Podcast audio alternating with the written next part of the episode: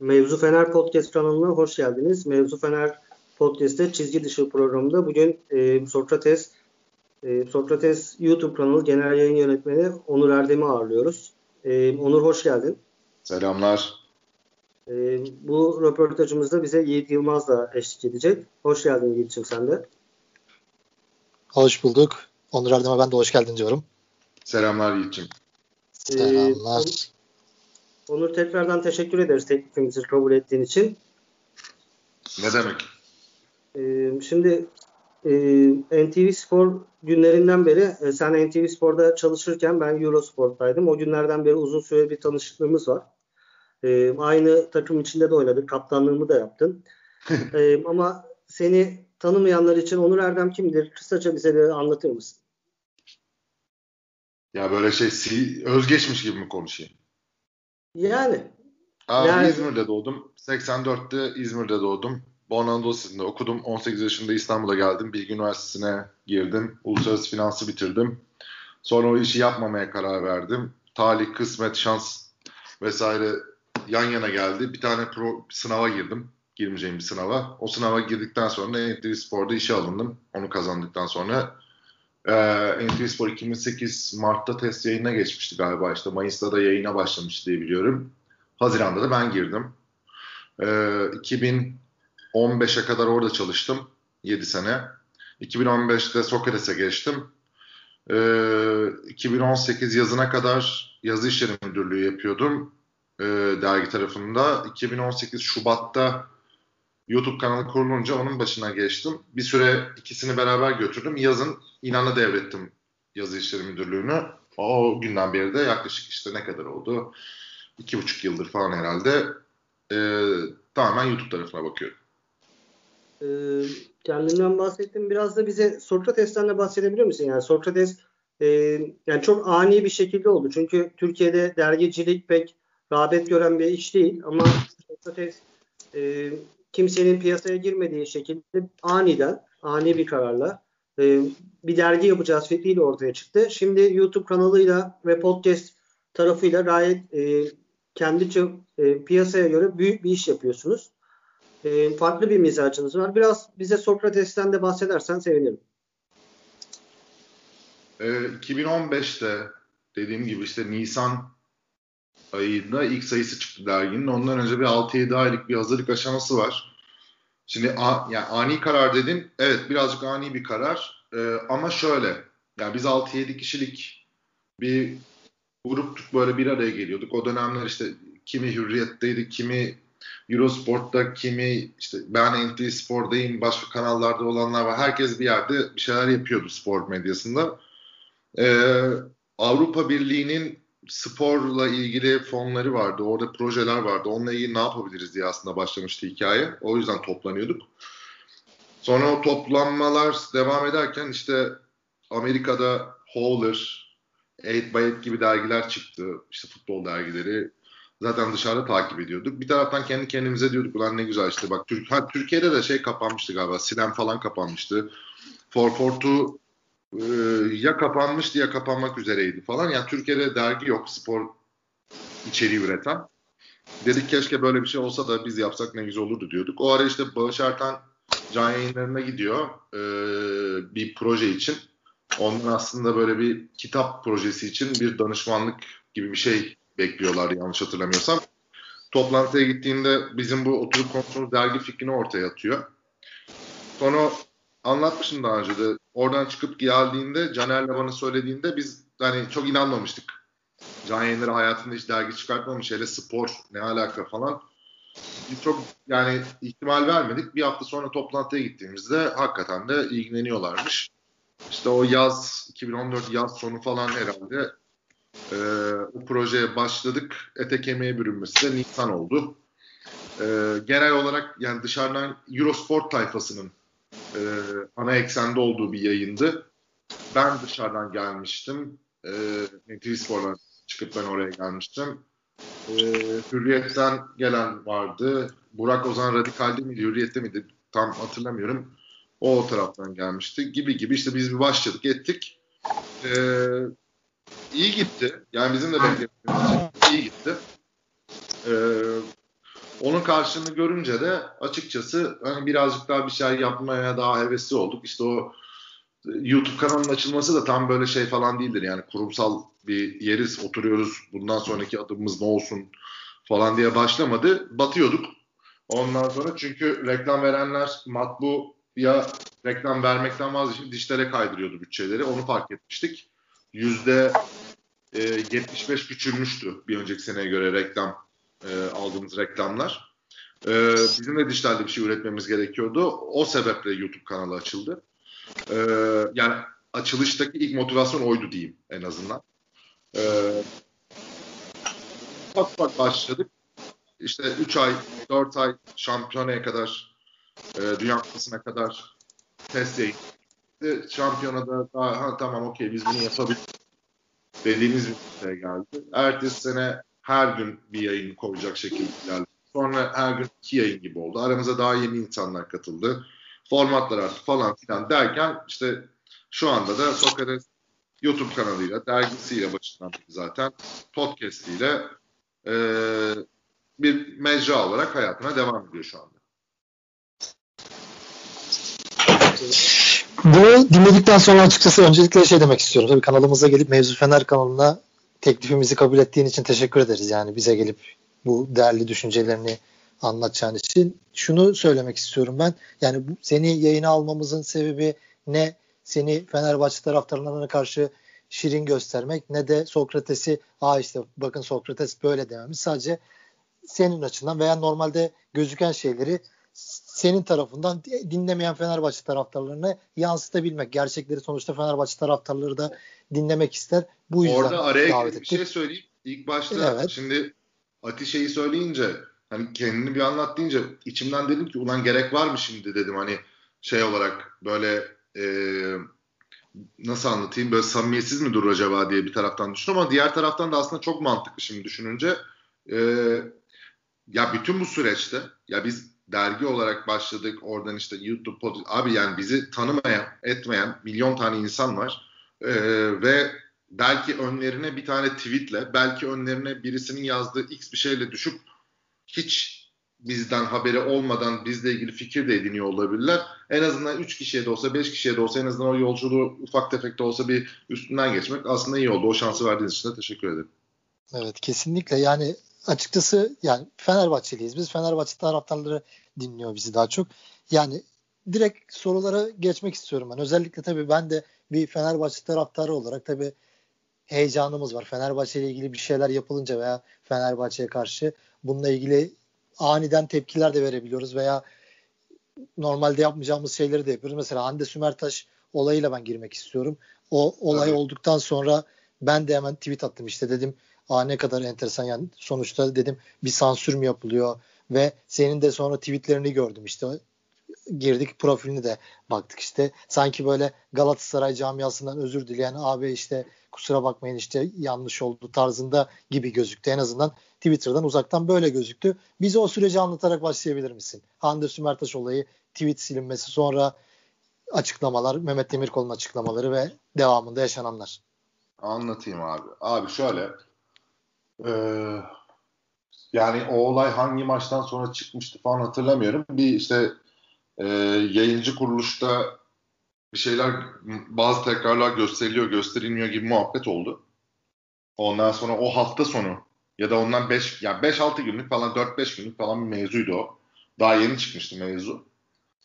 Ee, Mehmet abi programda o konuya da girdi. Kendi programında, karşı karşıya programında. Aslında o iki aşamalı olay. Şimdi anlatayım. Devamında söylerim tekrardan. Birinci aşaması şu. Mehmet abi programda açıklamasını yaptı. Açıklaması da şuydu. Net bir şekilde söyleyeyim. Ee, abi Hande Sümertaş'ın bu konuyla ne alakası var? Yani onun bulunduğu yer işte lisans satın almamın işte bir şeyler. Ee, bu bambaşka bir iş. Yani bu böyle bir şey varsa Hande Sümertaş'ın ne alakası var bunun? Çok saçma buluyorum bu tepkiyi. İle başlayan kısmın devamında da kendi görüşü olarak bir önceki nasıl Mehmet abinin kendi görüşüyse bu da yine Mehmet abinin kendi görüştür ki Sokrates'te konuşan herkesin düşündüğünü, belli bir suç, belli bir ayrımcılık, nefret, taciz bir şey bir şey yani ne dediğimi anlıyorsunuz üç aşağı beş yukarı yani hani o detayını daha da girmeyeyim. Olmadığı sürece söyleme hakkı var. Bir örnek olarak da şöyle vereyim. Mehmet Demirkol yarın çıkıp atıyorum Fenerbahçeli X futbolcu ile ilgili çok kötü diyebilir. Başka bir Sokrates'teki isim çıkıp çok iyi diyebilir. Bu bir görüş ayrılığıdır. Bu bir fikir ayrılığıdır. Bizim de dikkat edeceğimiz tek şey bahsettiğim biraz önceki sınırları geçip geçmeme değil, geçmemesiyle alakalı bir durumdur. Baştan altını çizeyim. Devam ediyorum. Mehmet abi dedi, devamında da şunu söyledi. Ama dedi daha önceden kulüplerde çalışmış. Ee, işte o tam şeyini hatırlamıyorum. Kelime kelime de işte kulüp kanalında mı kulüp e, kulüp bünyesinde mi işte bir yerde kulüple özdeştiği yerde kulübün içinde çalışmış insanlar daha sonra medyaya ana akıma merkeze geldiğinde merkez medyaya geçtiklerinde daha önceden yaptığı hareketler ve orada kullandığı ifadeler ya da atıyorum açıklamaları vesaireleri eğer ki radikal bir tarafa gidiyorsa bunlar da karşılarına çıkıyor tabii ki. Buna da dikkat etmek lazım. Minvalinde bir şey söyledi. O gün akşamında biz klasik olarak şu şekilde ilerliyoruz. Akşam atıyorum program yayınlanıyor. En azından o zaman öyle klasik ilerliyor. Şimdi o kadar fazla paylaşım yapmıyoruz da bir ya da iki tane falan yapıyoruz. İlk başlarda hem program da daha yeni vesaire falan filan. Yani olabildiğince etkileşimi orada göz önünde bulunuyoruz. İnsanlar görsün hani o programa dair bir şey bilsinler gelsinler diye. Programlardan kesitler alıyoruz. Kesitleri alıp da işte bir quote alıyoruz. O bölümün videosunu koyuyoruz. YouTube'daki programa da yönlendirme yapıyoruz. Bizim sosyal medya tarafındaki arkadaşlarımız yapıyor bunu. Abi kesmişler. Kestikleri yer şu. İki aşaması vardı Mehmet abinin söylediğinin. Birinci aşama Hande Sümertaş'a yönlenmesi bu olayın saçma diyor ilk başta. Devamında da ama diyor kulüp tarafında çalışanlar da bu şekilde yaparlarsa dikkat etmeliler yoksa bunlarla karşılaşabilirler tadında bir şey söylüyor. Bizim sosyal medya tek oradaki altını çiziyorum. Sokrates'in Twitter hesabı orası. Sokrates'in YouTube kanalı ve Sokrates'in Instagram hesabı gibi gibi yerlerden biz sorumluyuz. Oradaki paylaşım şöyle başlıyor. Ama yani onlar da burada burada bunları yapıyorlarsa böyle bir şeyle karşılaşabilirler. Şimdi orada geri sarıyorum. 4-5 günlük bir muhabbet demiştim. Orada zaten bir kişiye dair bir kişiye yönelik bir e, yüklenme vardı. Biz kendi programımızdan, kendi editörümüz, sosyal medya editörümüz sadece orayı alıp koyduğu için hedef göstermiş gibi olduk. Mehmet abinin öncesinde söylediği hikayede bunun Hande Sümertaş'la bir alakası olmayacağıydı. Yani iş olarak oraya bir tepki vermenin saçma olduğu üzerineydi. İkisini beraber verseydik ben zaten hiçbir şey karışmazdım.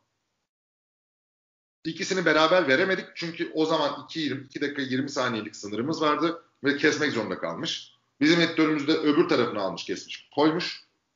Ve aslında biz bu yüklenmeyi bir mecra olarak bir kurum olarak arkasında durur gibi kaldık. Bu sadece bizle alakalı değil. Mehmet abinin söylediğini de sadece Mehmet abinin de kısmını ele alırsak Mehmet abi de bu konuyla alakalı söylediği tek şey buymuş gibi gösterildi.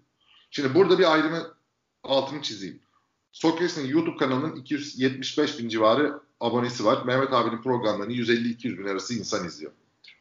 Sokrates'in Twitter hesabını 150 bin civarı insan takip ediyor. Bunlar her videoyu başından sonuna izleyen insanlar değil. Ve sen Twitter hesabından bir video ile alakalı bir bölüm alıp oraya koyduğunda oradaki 150 bin kişinin 145 binin konudan haberi yok. Ve orada yaptığım paylaşımı sadece Hande Sümertaş'a yönelik e sen de bunu yaparsan bu olur tadında bir kısımmış gibi görüyor. Bu yüzden de sadece bir kişiyi hedef gösteriyor olmasın. Biz de buna ön ayak olmayalım ki daha sonra bizim de başımıza geldi. Hoş bir durum değil. Ee, biz de buna yönlendirme yapmayalım diye ki o sırada çok tepki aldık falan. Şimdi o özür özür muhabbetine de geleyim. Ee, haliyle abicim Galatasaraylılardan tepki gelmeye başladı. Orada bir de cinsiyetçilik muhabbeti oldu. İşte kadına böyle yapıyorsunuz falan filan. En en en yan yana gelmek istemediğimiz şeylerden bir tanesi bu arada bu. Ee, dediler ki siz işte cinsiyetçilik yapıyorsunuz, kadına şiddeti şey yapıyorsunuz, bir şey bir şey bir şey falan bir olay büyüdü. Ben de oradaki insanlara gittim dedim ki konuşmamda da şu. Abi bunun bununla alakası yok. Şimdi benim orada dediğim abiyi alıp abi çektim falan diye de döndü o iş bana. Ondan sonra ki ben Twitter'da bir sürü insana abi diye hitap ediyorum. Yani olayın o şekilde dönmesi de bir garipti. Neyse sorun değil. O çok minör kalıyor bu hikayenin içinde. Ben de dedim ki yani konuştuk bu arada. Hep beraber. Abi kaldıralım yani. Çünkü ne Mehmet abinin dediğini doğru veriyoruz ve Mehmet abi belli bir kontekst içinde söylediği bir şeyi içinden bir bölüm alıyoruz. Sanki sadece onu söylemiş gibi yansıtıyoruz. Bu Mehmet abi için de bir ayıp. Bizim tarafımızdan yanlış. Hem de konu olan kişinin kişiye yönelik yorum da aslında iki parçalı bir yorum olmasına rağmen tek parçasını vererek biz kurum olarak sanki o yorumun sadece arkasında duruyormuş gibi gözüküyoruz. Kurum hesabından verdiğinde. Bunu bir taraftar kesip verebilir abi. Anlatabiliyor muyum? Veya bunu X bir kişi o bölümden YouTube'dan o bölümü kesip alıp verebilir. Ama sen kurum olarak sadece o bölümü aldığında bir önceki bölümü vermediğinde maalesef sadece o tarafı destekliyor gibi gözüküyorsun. O yüzden orayı kaldırdık. Ve orada da ben açıklama yaptım. Dedim ki bundan bundan bundan dolayı bu bir yanlıştır, hatadır. Bizim bu şekilde göstermememiz gerekiyordu. Kurum hesabı olduğu için tekrar altını çiziyorum. Bunu söyledik. Döneyim sansür mevzusuna. Abi o programın mecrası neresi? YouTube. Program YouTube'da yayınlanıyor. Twitter'dan da duyuruluyor. Ben Twitter'da programlar alınan bir alıntının yanlış olduğunu söylüyorum. Ve bunu sildiğimizi söylüyorum. Abi program aynı şekilde durmaya devam ediyor. Programa kimsenin bir müdahalede bulunduğu yok. Programdan kimse bir şeyi kesmemiş. Kimse bir şeyi silmemiş. O program 200 bin izlendi. Yani ben bir şeyi sansürleyecek olsam giderim onu sansürlerim. Artı bir, yani bir kere buradaki saçmalık şu hani sansür dediğin şey bir şeyin yayınlanmasını engellemektir ya da birinin söylediği bir şeye izin vermemektir. Bir, benim ne haddim var Mehmet abiye karşı. Mehmet abinin söylediği bir şeyi Mehmet abinin ee, onayı, izni vesaire olmadan Mehmet abiden sor etmeyip bunları Mehmet abi sansürlemek bir alt parantez vereyim burada bilmeyenler olabilir. Ben NTV Spor'da çalışırken spor servis programı editörüydüm. 7,5 sene boyunca Mehmet abiyle sabah programı, Fuat abiyle Mehmet abiyle sabah programı editörü bendim. Ben 7 sene, 7,5 sene Mehmet abinin editörü olarak çalıştım. Bugün kalkıp da Mehmet abiyi sansürleyecek haddim falan filan yok. Onunla kurduğum ilişki de böyle bir ilişki değil zaten. Yani ben böyle bir şeye yeltensem öldürür Mehmet abini yani. Bunu sonrasında başka programda da söyledik yani. Hani o yüzden hani sansür mansür kısmını geçiyor ki Mehmet abi kendisi ertesi gün olay uzayınca kendisi de açıklama yaptı. Ne sansür? Hani bir kere ben kendim ben izin vermem böyle bir şey diye. Kendisinin açıklaması var. Sansür kısmını o yüzden tamamen kapatıyorum çünkü ya ortada sansürlenen bir şey yok. Ana mecrası YouTube olan bir program YouTube'da o gün nasıl yüklendiyse bugün de aynı şekilde hayatına devam ediyor. Hikaye bu. Hande Sümertaş'la ilgili durum bu. İlk kısmı bu pardon. İkinci kısmı var bir de bunun. Ee, o gün olay cinsiyetçilik, minsiyetçilik muhabbetinden bir saçma bir yere saptırılıp yönlendirildiği için e, ertesi gün, salı günüydü galiba program. Ertesi gün çünkü oyna devamda Kaan abiyle yaptığı programda çarşamba sabahı Hande Sümertaş konusuyla alakalı programın girişinde 3,5 dakikalık tiradı var. İsteyen açıp izleyebilir. Bu konuyla ilgili görüşünü söylüyor. Yetmiyor. Ondan 2-3 hafta sonra olay ikinci bir faz alıyor. Biz bu konuyu bir kere konuştuk ve kapandı yani. Karşı karşıya programda Mehmet abi bir şey söyledi. Ertesi gün kriz oldu konuştuğumuz tweet tweet. Ertesi gün oyuna devamında söyledi. Bizim açımızdan konu kapandı. Aradan iki hafta falan geçti yanılmıyorsam. Abi çıktı Beyaz TV'de Ahmet Çakar bu, bu kez kadına gece bir şey demişti. Yok işte Fransa'da otel bir abuk bir şeyler söylemiş saçma sapan. Olay evet, bu sefer ha, böyle tehdit etmiş. Saçma sapan bir yere gitmiş oradaki mevzu. Bizim, bizlik hiçbir durum yok bakın. Yani hiçbir şey yok. Abi ben pazartesi günü evde oturuyorum. Mehmet abi denk gelmiş. Bak denk gelmiş. O gün saat yanılmıyorsam 9-10 civarı kendi programı yükleniyor pazartesi günü. İki hafta sonra o programda gene bu konuya değiniyor. Çünkü o hafta sonu gene kızmış muhabbet. Mehmet abi diyor ki ya arkadaşlar yapmayın gözünü seveyim buradaki insanların hepsi mi ahlaksız mı diyorsunuz buradaki insan 200 tane insan çalışıyor burada falan filan diyor. Yani gene yanlış bulduğunu söylüyor. Aynı gün oluyor bak bunlar. Saat 9-10. Abi gece yarısı Beyaz TV'de Ahmet Çakar gidip kadına abuk subuk şeyler söylüyor. Bu sefer gene bir infial. Kadına hedef gösterdiniz diye. Baba ben sabah bir uyandım. Sanki dün gece Ahmet Çakar değil de Mehmet Demirkol söylemiş bunları. Abi Ahmet Çakar'ın adını ağzına alan yok. Ertesi gün hikaye bizim üzerimizden dönmeye başladı gene. O akşama kadar biz bu sefer gene işte Mehmet Demirkol zaten hedef göstermişti. Bir şey olsa ne yapacaksınız? Yani hani şey de değil. Hani anlatamıyorsun ki. Yani bir iki kişiye anlatmaya çalışıyorsun. Adam diyor ki ha ben bilmiyordum. izlememiştim diyor. Ya babacım izlemediysen yani neye göre söylüyorsun bunu mesela gibi bu, bu tarz şeyler de var. Hani bunları da geçtim. İki hafta sonra olay bir de böyle döndü bize. ee, ondan sonra da o zaman mı açıklama yaptık biz? Mehmet abi mi o zaman açıklama yaptı? Bir şey oldu kapandı konu zaten işte. Bizim tarafta Hande Sümertaş'ın kapandığı konu bu taraf yani böyle. Ee, o zaman yani Fenerbahçe Sokrates ilişkilerinin e, gerilmesini zaten 3 madde var yani son zamanlarda. Birisi buydu. İkincisiyle devam edelim. Atan Altınordu.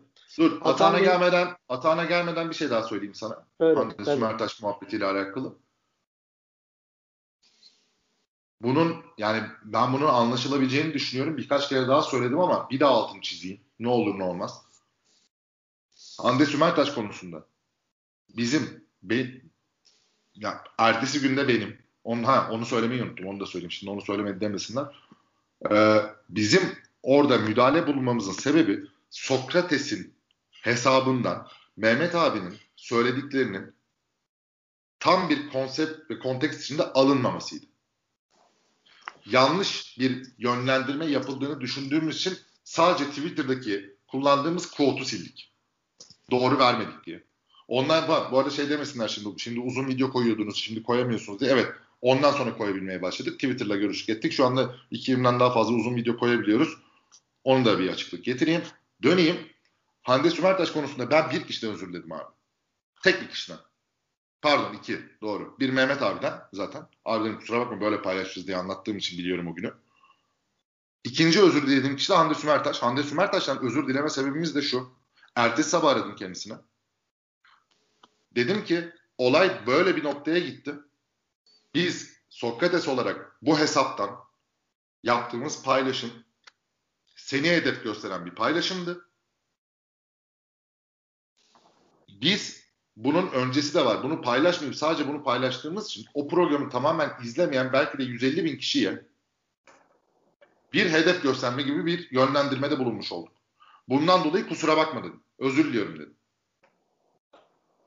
Ama dedim bu özrü de tekrar ediyorum Mehmet abi orada kontekstin içerisinde Hande Sümertaş'la ilgili olumsuz ola, olumsuza da çekilebilecek bir şey söylüyor. Hande Sümertaş'la da konuşurken söylediğim tek şey şuydu. Ama dedim bak bu özrü biz yaptığımız paylaşımdan dolayı özür diliyorum. Programda konuşulan belli bir kontekst halinde değerlendirildi. Programda edilen vesaire Mehmet abi adına vesaire değil. O Mehmet abinin görüştür. Mehmet abinin kendisini bağlar. Bizi bağlamaz. Biz ona onu söyleyebilecek bir alan yaratmakla mesulüz. Bu kadar. Ama biz alıp kurum olarak bunu bu şekilde paylaşamayız. Benim özrümün tek sebebi de o paylaşımın yanlış yapılmasından dolayıydı. O programda, bütün programda konuşulanlar için bir özür dilemedim ben. Anlıyorum. Ee, Atahan bölümüyle devam edelim. Atahan benim de yakın arkadaşım. Ee, yani aslında buradaki olayı Atahan'a indirgemek bence yanlış. Ee, yani hepimizin gençlikte Twitter'ı yani Twitter mesela biz kullandığımız zamanlarda onu hatırlar Yiğit sen de hatırlarsın. Ee, 2010'larda 2011'lerde Twitter yeni çıktığında sadece biz bizeymişiz gibi bir ortam vardı. Çok rahat bir ortam vardı. Herkes her dediğini yazıyordu. Bugünkü gibi e, insanların iş hayatına kadar mesleğini, durumuna kadar etkileyen bir ortam yoktu. E, bunu sana şuradan soracağım. Sen de Masterchef Uğur'la alakalı da konuşmuştun. Hatırlarsan. Evet. E, yani insanlar bazen hatalar yapabiliyor. Hatam bunun karşılığında özür de dedi Fenerbahçe'den. E, bu Twitter'da bu tweetler temizlenmeli mi? Yani sonuçta bir kurum altına girdiğimiz zaman e, ne olursa olsun hani yazarlar ya kurumumu bağlamaz falan. Aslında öyle değil. Kurumu bağlıyor yani. Ya bir noktada veya ya bir noktada bağlamadığını düşünsen de bağlamadığını düşünsen evet, de maruz kalıyorsun. Evet. E, bu tweetlerde yani tweetler temizlenmeli mi? Ben mesela Sokrates dergi bugün yeni birisini işe aldığında E, tamam orası onun özel alanı. Bunu söylediniz zaten.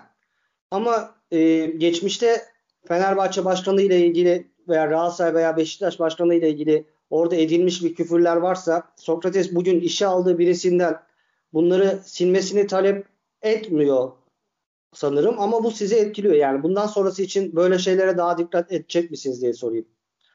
Abi bak bu söylediğin çok temel insan hak ve özgürlükleriyle de birazcık ilintili bir şey. Çünkü şu açıdan bakarsak bence yanlış bakarız.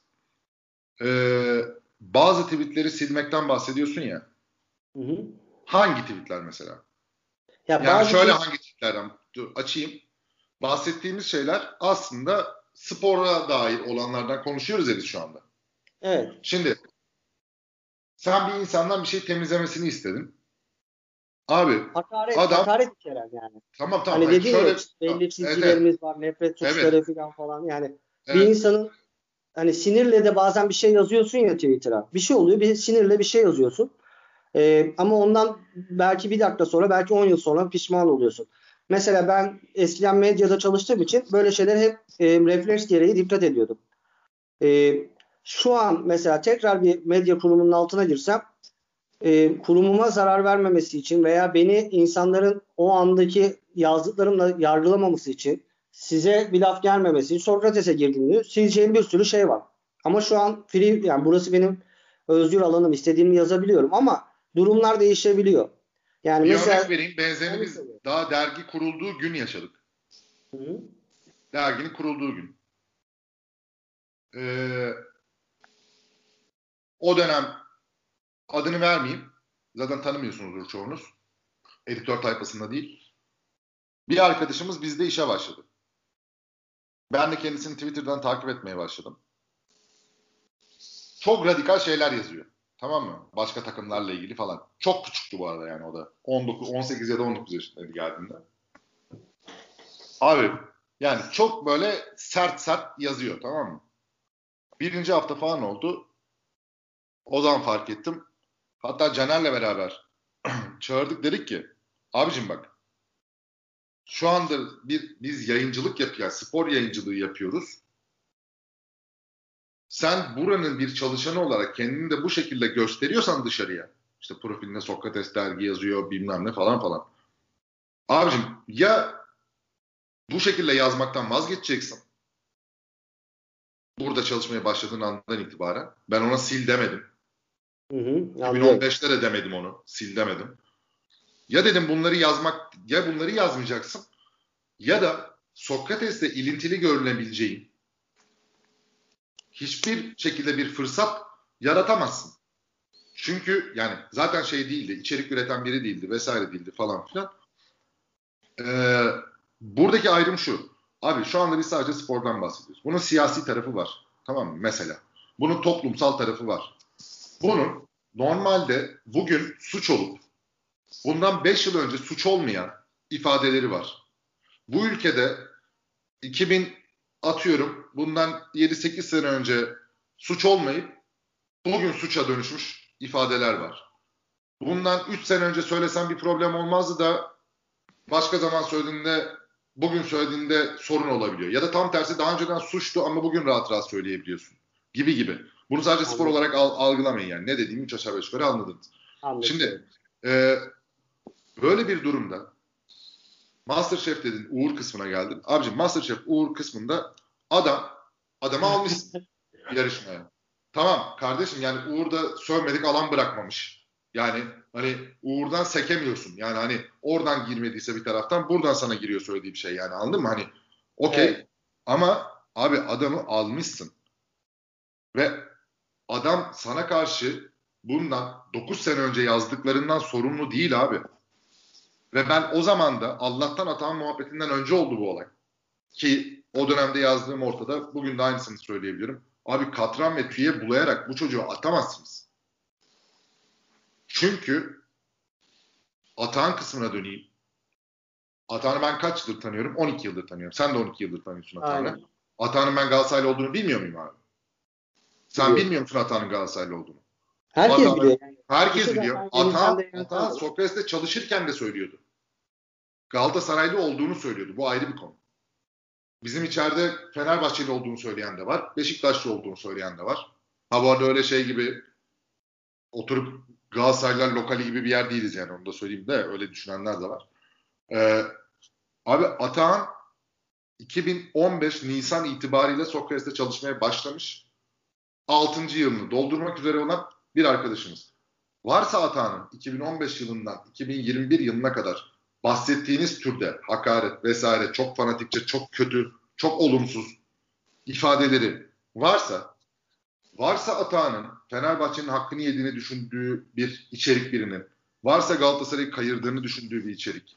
Bu dergide Oğuz Çetin röportajını da Atahan yapmıştır. Bu dergide George Hacı röportajını da Atahan yapmıştır. Varsa eğer Sokrates'te çalışırken ki işlerine bunun müdahale ettiğini, herhangi bir yeri kayırdığını, herhangi bir şeyi öne çıkardığını, herhangi bir konuyla alakalı herhangi bir takıma karşı bir ayrımcılık yaptığını, bazılarını koruduğunu, kolladığını, bazılarının arkasından iş çevirdiğini, yaptığı işin Sokrates çatısı altında üretilen herhangi bir işe bunun yansıdığını 6 yıldan bahsediyorum. Varsa oturup konuşalım. Ama Atahan case'inde bizim konuştuğumuz tek şey Atahan'ın bundan 6, 7, 8 sene önce attığı tweetler. Atahan o sırada nerede çalışıyor abi? Galatasaray dergisinde çalışıyor. Bana ne? Atahan o zaman bunları yapan bir insan olabilir. Kendisi de söylüyor. O dönem olduğum insandan mutlu değilim diyor.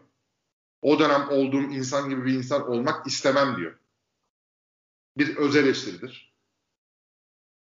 E, siz neden abi insanlara biz daha doğru, daha mantıklı, daha e, yüklerinden arınmış, daha sakin ve daha düzgün bakabilen insanlar olma fırsatını vermiyoruz. Bizden beklenen çünkü şu. 8 sene önce Fenerbahçe Başkanı'na bir şey demiş. Kovun. Bu mu yani? Ve işin kötü tarafını söylüyorum. En benim bu bu iş tarafı. Bak bu işe yaklaşım tarafı olarak konuşuyorum. Ha tekrar diyorum şu olsaydı Atağan'ın bundan 8 sene önce birisini taciz, birisini bilmem ne vesaire gibi gibi bir hikayesi çıksaydı başka türlü davranırdık. Bu başka bir konu. Ya da Atağan'ın bu süreç içerisinde, Sokratik süreci içerisinde bu tarz bir şey olsaydı, bizim yaptığımız yayınlara dair bir şey de olsaydı başka türlü davranırdık. Bu Atağan için değil, benim için de geçerli. Herkes için geçerli. Ama bütün hikaye dönüp dolaşıp konuştuğumuz yerde şuraya bağlanıyor. Abi günah keçisi istiyoruz. Çok güzel. Ne yapacağız abi günah keçisini? Yok edelim. Edelim abi. Ben de günah keçisi talep edenlere çok yürekten, çok samimi bir soru soruyorum. Atahan'ın ortaya çıkan tweetleri. Atahan değil de Altan Altın orada olsaydı Atahan'ın adı. Atahan Galatasaraylı değil Fenerbahçeli olsaydı. Atahan 2011 yılında, 2012 yılında Fenerbahçe Başkanı ile ilgili değil, Galatasaray Başkanı ile ilgili aynı şeyleri söylemiş olsaydı, yazmış olsaydı ve bugün Sokrates'te çalışsaydı. Ve bu ortaya çıksaydı. Bugün Atahan'ı günah kesi yapalım diyenlerin hangisi Atahan'ı günah kesi yapalım diyecekti abi? Dürüstçe söyleyebiliyorum. Mesela bir Fenerbahçeli oturup ben Atahan'ın bugün günah kesisi olarak hani bunu kovun de, verdi, Atahan'a verdiği tepkiyi düşünsün.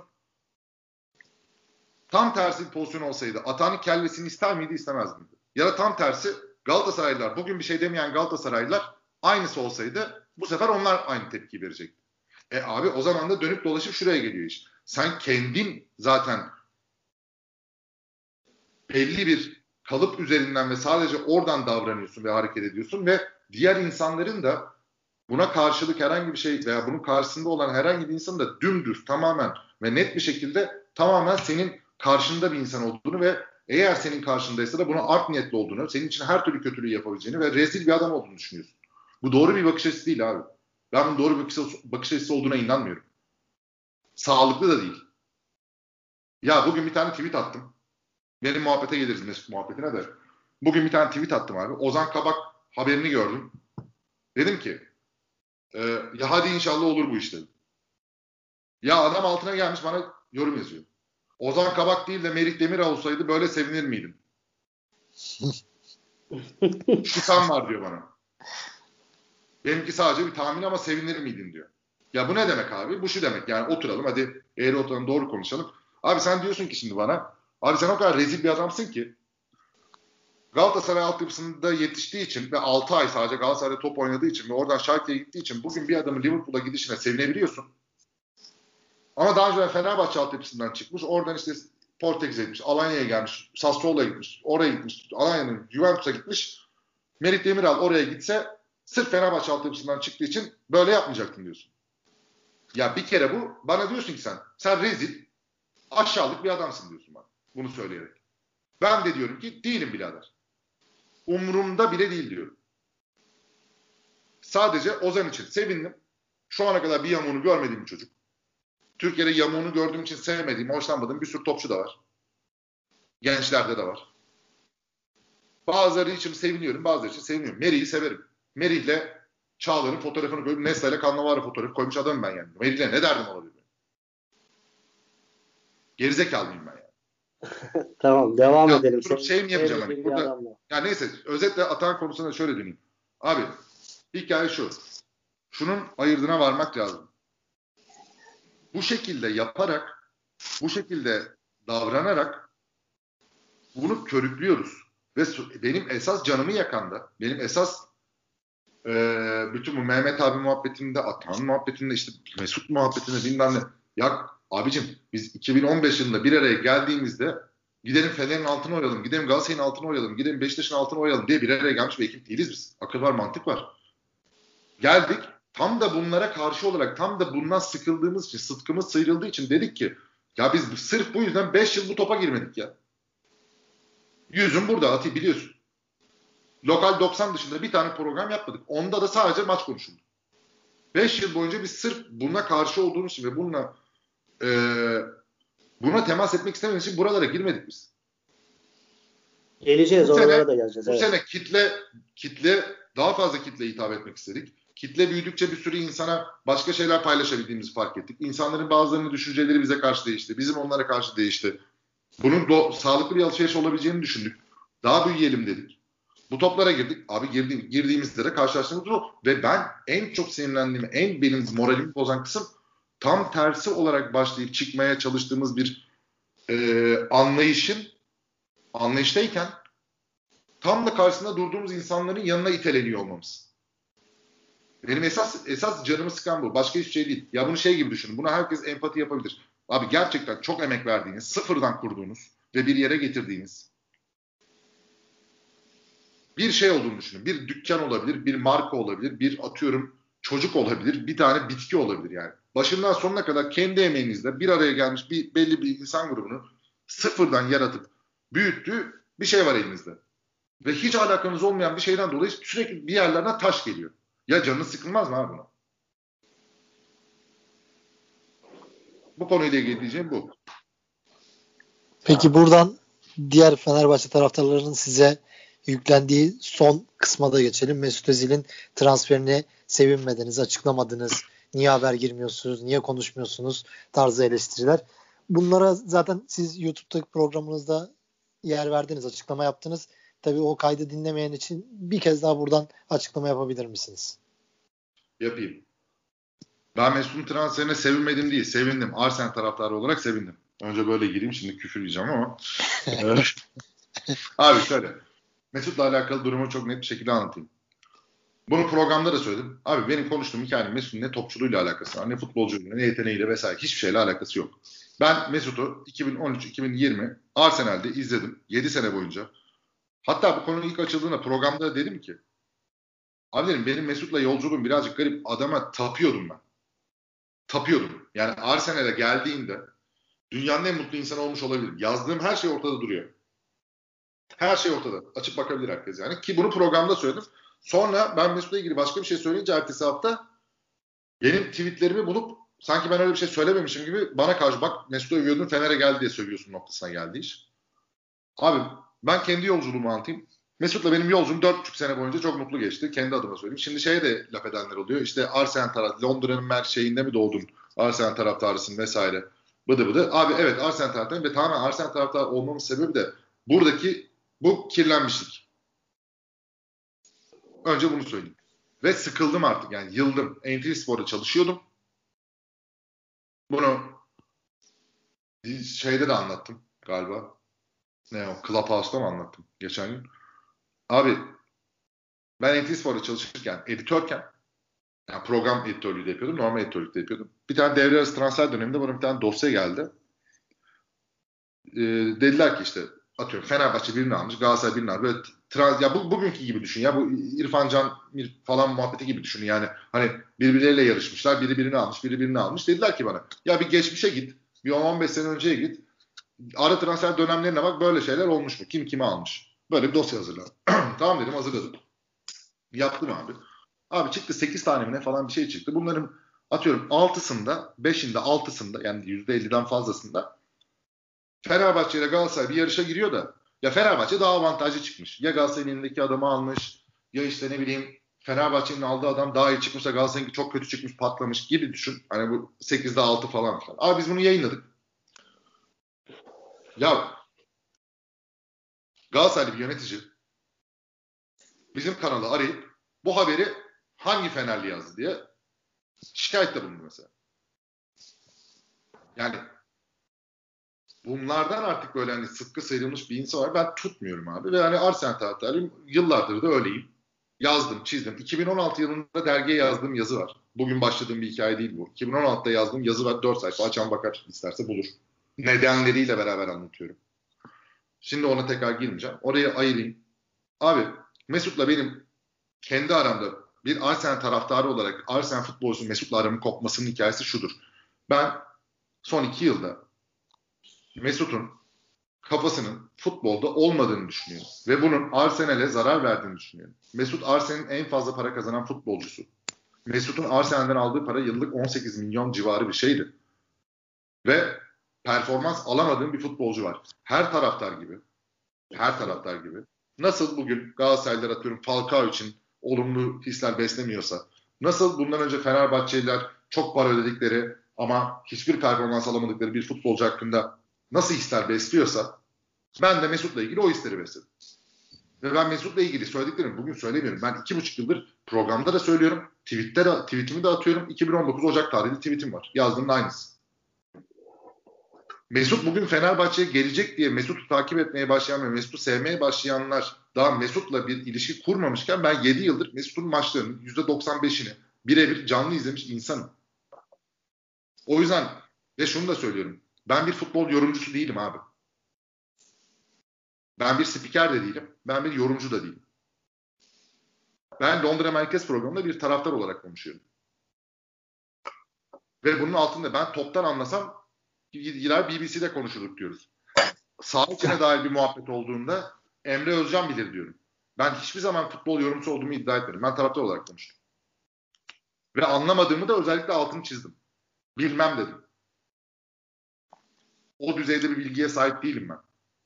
Ben sadece bir taraftar olarak konuşuyorum. Ve iki buçuk yıldır yatan bir Mesut var. Öyle ya da böyle. Beğenirsin beğenmezsin. Kabul edersin etmezsin. 2018 Dünya Kupası. Dünya Kupası'nda Almanya ile yaşanan işte milli takımda yaşanan kopuş onun ardından ben Mesut'un kafa olarak futboldan giderek uzaklaştığını düşünüyorum. Ve Mesut'un atıyorum özellikle deplasmanlarda veya herhangi bir yerde sahada umursamaz bir dışarıdan bir duruşu vardır. İfadesi, ifadesiz bir ifadesi vardır daha doğrusu öyle söyleyeyim. Atıyorum takım 3-0 gerideyken bir can hıraş bir surat ifadesi görmezsin. Bir duygusal bağ kuramazsın. Öyle bir tarafı var. Ve ben, bunlar da beni rahatsız ediyordu. Ya hiç mi savaşmıyor? Takım için hiçbir şey yapmıyor. Bu adam 10-20 milyon para alıyor yılda. Dediğim bir adamla ilgili görüşlerim. Bütün yaptığım hikayede şu abi. Bütün muhabbet. Cumartesi günü, bir cumartesi sabahı ne yazdım? Hadi geçmiş olsun yazdım. Mesut a, a, e, sabah haber çıktı. Arsenal ile Mesut Özil'in e, şeyleri bitti. Ne o? E, evet. Anlaşması işte evliliği bitti. Bir haber çıktı. Ben de hadi geçmiş olsun yazdım. Bunu alıntılayayım. Yazdım başka bir şey yok. Bu kadar. Hadi geçmiş olsun. Cumartesi günü küçük bir dalga, küçük bir dalga dediğim bir 30-40 kişiden gene bir laf yemişimdir. İşte Fener alıyor diye kıskanıyorsun, ondan böyle şeyler söylüyorsun. Bu vesaire minvalinde bir bir tur yedim. Ee, abi o gün bitti. Pazar günü bu konu hiç konuşulmadı. Kimse de bu konuyla ilgili hiçbir şey söylemedi pazar günü. Pazartesi günü sabah kanal çekim yapıyoruz, stüdyodayız. Öğlen Noavas galiba. Noavas tekrardan iki, bir buçuk gündür ölmüş konuyu benim tweetimi alıp Noavas bir şey yazdı. Onunla ilgili böyle işte Sokrates Mesut'la ilgili paylaşım yapmıyor ya devam etti iş oradan. Oradan Ahmet Ercanlara gitti. Ahmet Ercanlardan 12 numaraya gitti. Benim iki gün önce yazdığım böyle bir buçuk gündür bypass halde duran tweet bir anda canlandı. Noavas'tan Ahmet Ercanlara. Ahmet Ercanlardan 12 numaraya sekti. 12 numaradan sadece bana sekmedi. Sokrates kurumsal pozisyon alıyor Fenerbahçe karşısında ve Mesut'la ilgili hiçbir şey paylaşmıyor gibi bir noktaya gitti. Yani ben burada çok rasyonel bir düzlem bulamıyorum. Benim Mesut'la ilgili tarafımdan konuşuyorsak. Yani senin Mesut'la ilgili tarafın tabii yani onu anlayabiliyoruz ama e, onu şöyle söyleyeyim sana. E, ben sizin açınızdan bakıyorum. Yani Sokrates e, çalışanı olarak kendimi orada düşünerek şey yapıyorum. Bence Mesut Özil International boyutalar zirve yapmışken e, orada Sokrates derginin paylaşım yapmamasını e, kurumsal bir karar aldığınızı biliyorum. Yani transfer olaylarına girmeyi istemiyorsunuz. Kesinlikle girmiyorsunuz. Bu bir kurumsal karar. Ama bunun ben yanlış olduğunu düşünüyorum sadece. Bu yani, bu üzerine çok rahat bir şekilde tartışılabilir bir şey. Bak bu Aynen, çok üzerine tartışılabilir bir şey. Ve ben de sana şunu söyleyebilirim net bir şekilde. Ha o Can'ın anlattığı çerçeveyi ben biraz daha açayım. Biz transfer haberi yapıyoruz, yapmıyoruz. Daha önce bak Falcao ile ilgili bir şey koymuşsunuz falan gibi bir muhabbet var. Onu da bir açıklayayım hazır fırsat varken. Daha önce yaptıklarımız bizim programlarda, bizim programlarda yorumcuların onlarla ilgili bir şey söylediyse böyle bir transfer olduğunda da o programdan alınan kesitlerin paylaşıldığı tweetler. Evet. Kendi işlerimizin duyurusu. Ve Falcao Galatasaray'da diye tweet atmadık biz yani. Onu söyleyeyim mi? Diğer tarafa geçiyorum. Bize bu itiraz yapıldığı gün bize bu itiraz yapıldığı gün haksızlık kısmını şuradan alıyorum. Tweet'e birazdan geleceğim. Bir önceki iki Londra Merkez programında Mesut konuşulmuştu. Tardini'de Mesut konuşulmuştu. Oyuna devamda Mesut transferi konuşulmuştu. Yanılmıyorsam karşı karşıya da Mesut transferi konuşulmuştu.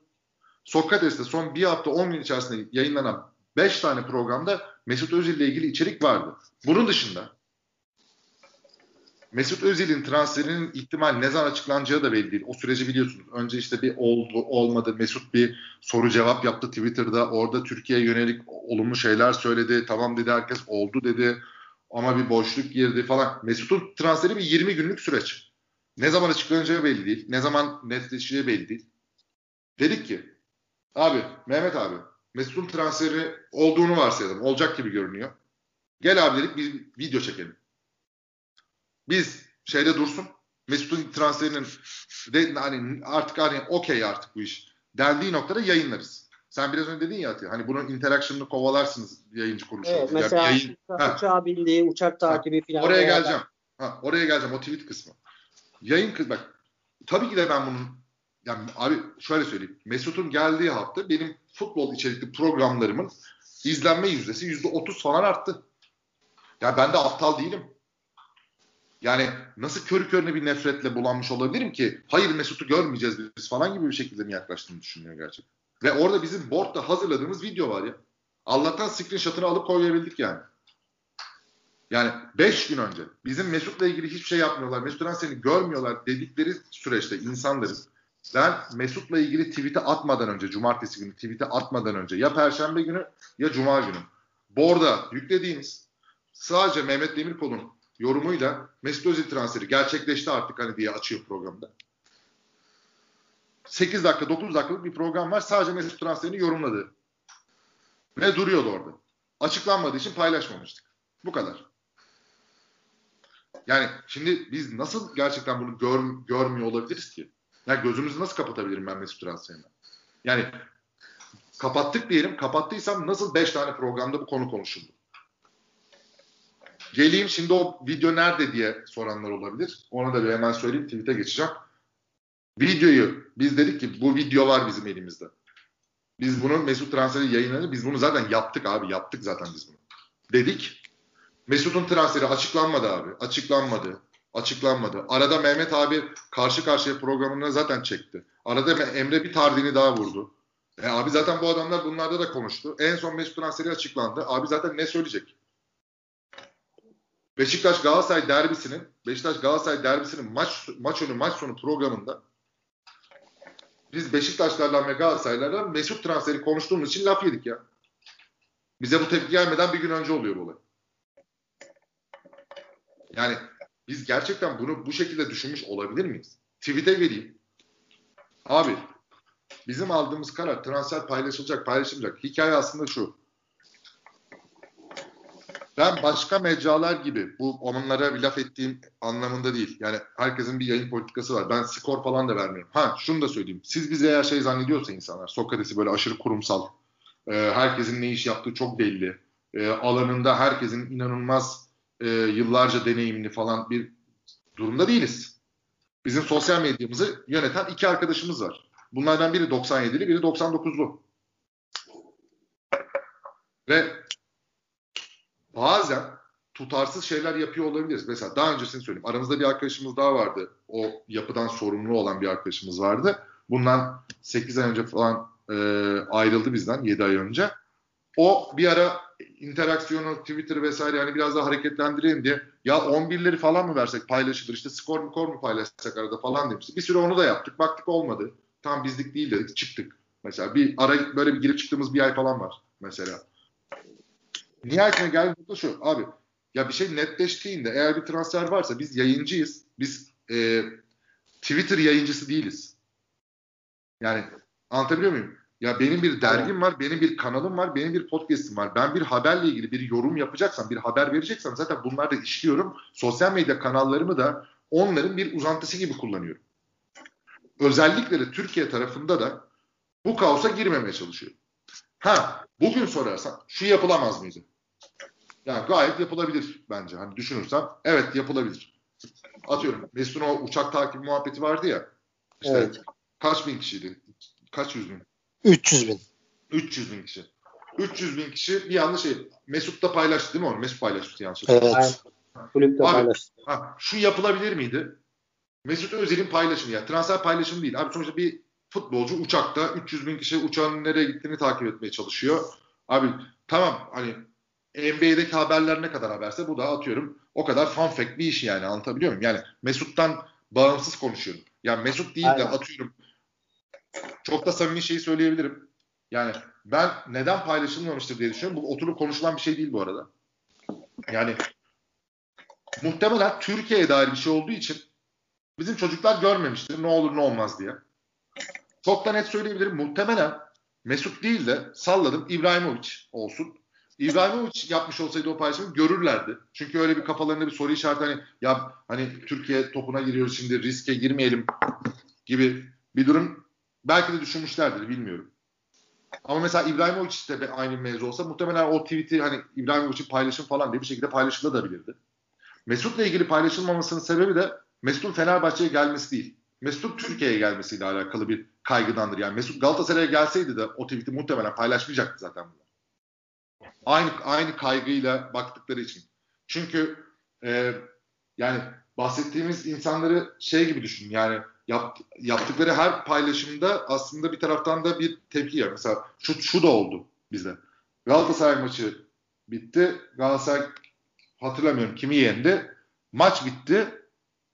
Son düdükle beraber bizim e, Sokrates'in bu Mesut muhabbetinden falan çok önce. Yani çok önce değil iki ay öncesi falan yani bu anlattığım hikaye. E, Galatasaray maçının son düdüğüyle beraber dergide o ay Tanju Çolak röportajı yapılmış. Tanju Çolak röportajından Fatih Terim'le ilgili Fatih Terim'i eleştirdiği Tanju Çolak'ın ben aslında İtalya'ya gidecektim de kimseye el uzatmadı o falan tadında eleştiren dergideki röportajın tanıtımı çıktı. Tam Galatasaray maçı son düdüğüyle beraber. Fatih Terim eleştirisi Tanju Çolak'ın çıktı. Oradan da dediler ki Galatasaraylılar bu planlı programlı bir şey yapıldı şu anda falan. Abi öyle de bir şey yoktu. Burada da bir şey yok. Yanlış yapılmış olabilir. Belki görüle de bilirdi. Bunun doğrusunun yanlışının ben zaten çok doğru, olduğuna da inanmıyorum. Hani bazen doğru bazen yanlış olabilir. Hani paylaşabilirsin paylaşmayabilirsin. Onu görmüşsündür bunu görmüşsündür. Milyon tane şey alıyor. Tamam bu majör bir şey kabul.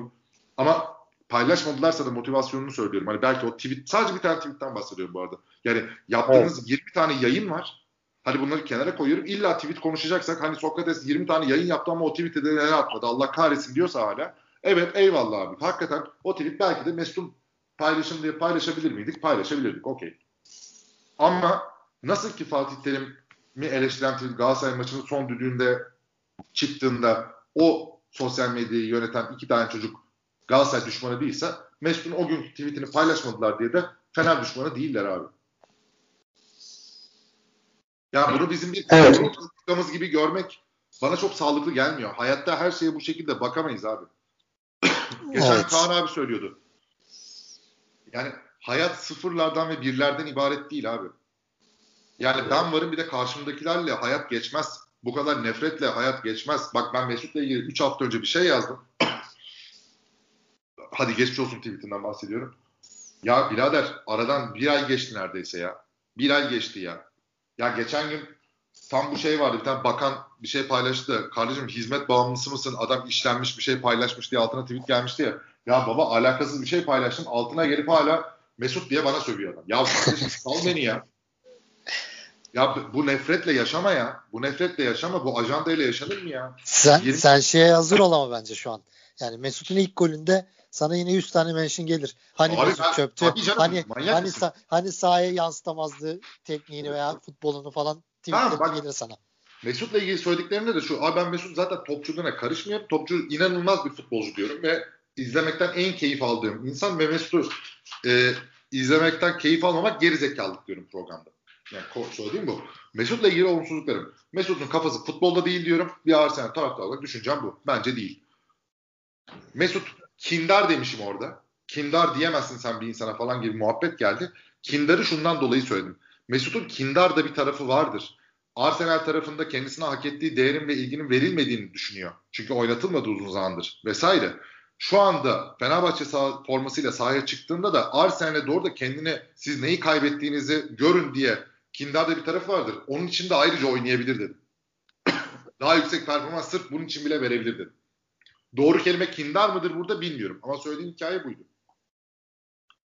Burada şeye geçmek istiyorum. Ben bir Can Öz'le ilgili de bir soru sormak istiyorum. Sonuçta bu Sokrates dergi, YouTube kanalı, podcast kanalı hepsinin sahibi Can Öz. Yani Can Öz'ün Fenerbahçeli olduğunu biliyoruz ve o da son zamanlarda özellikle yani bu kimliğini herhalde artık insanlar bir rahat bıraksın diye ben de Fenerbahçeliyim falan tarzında çok açıklıyor.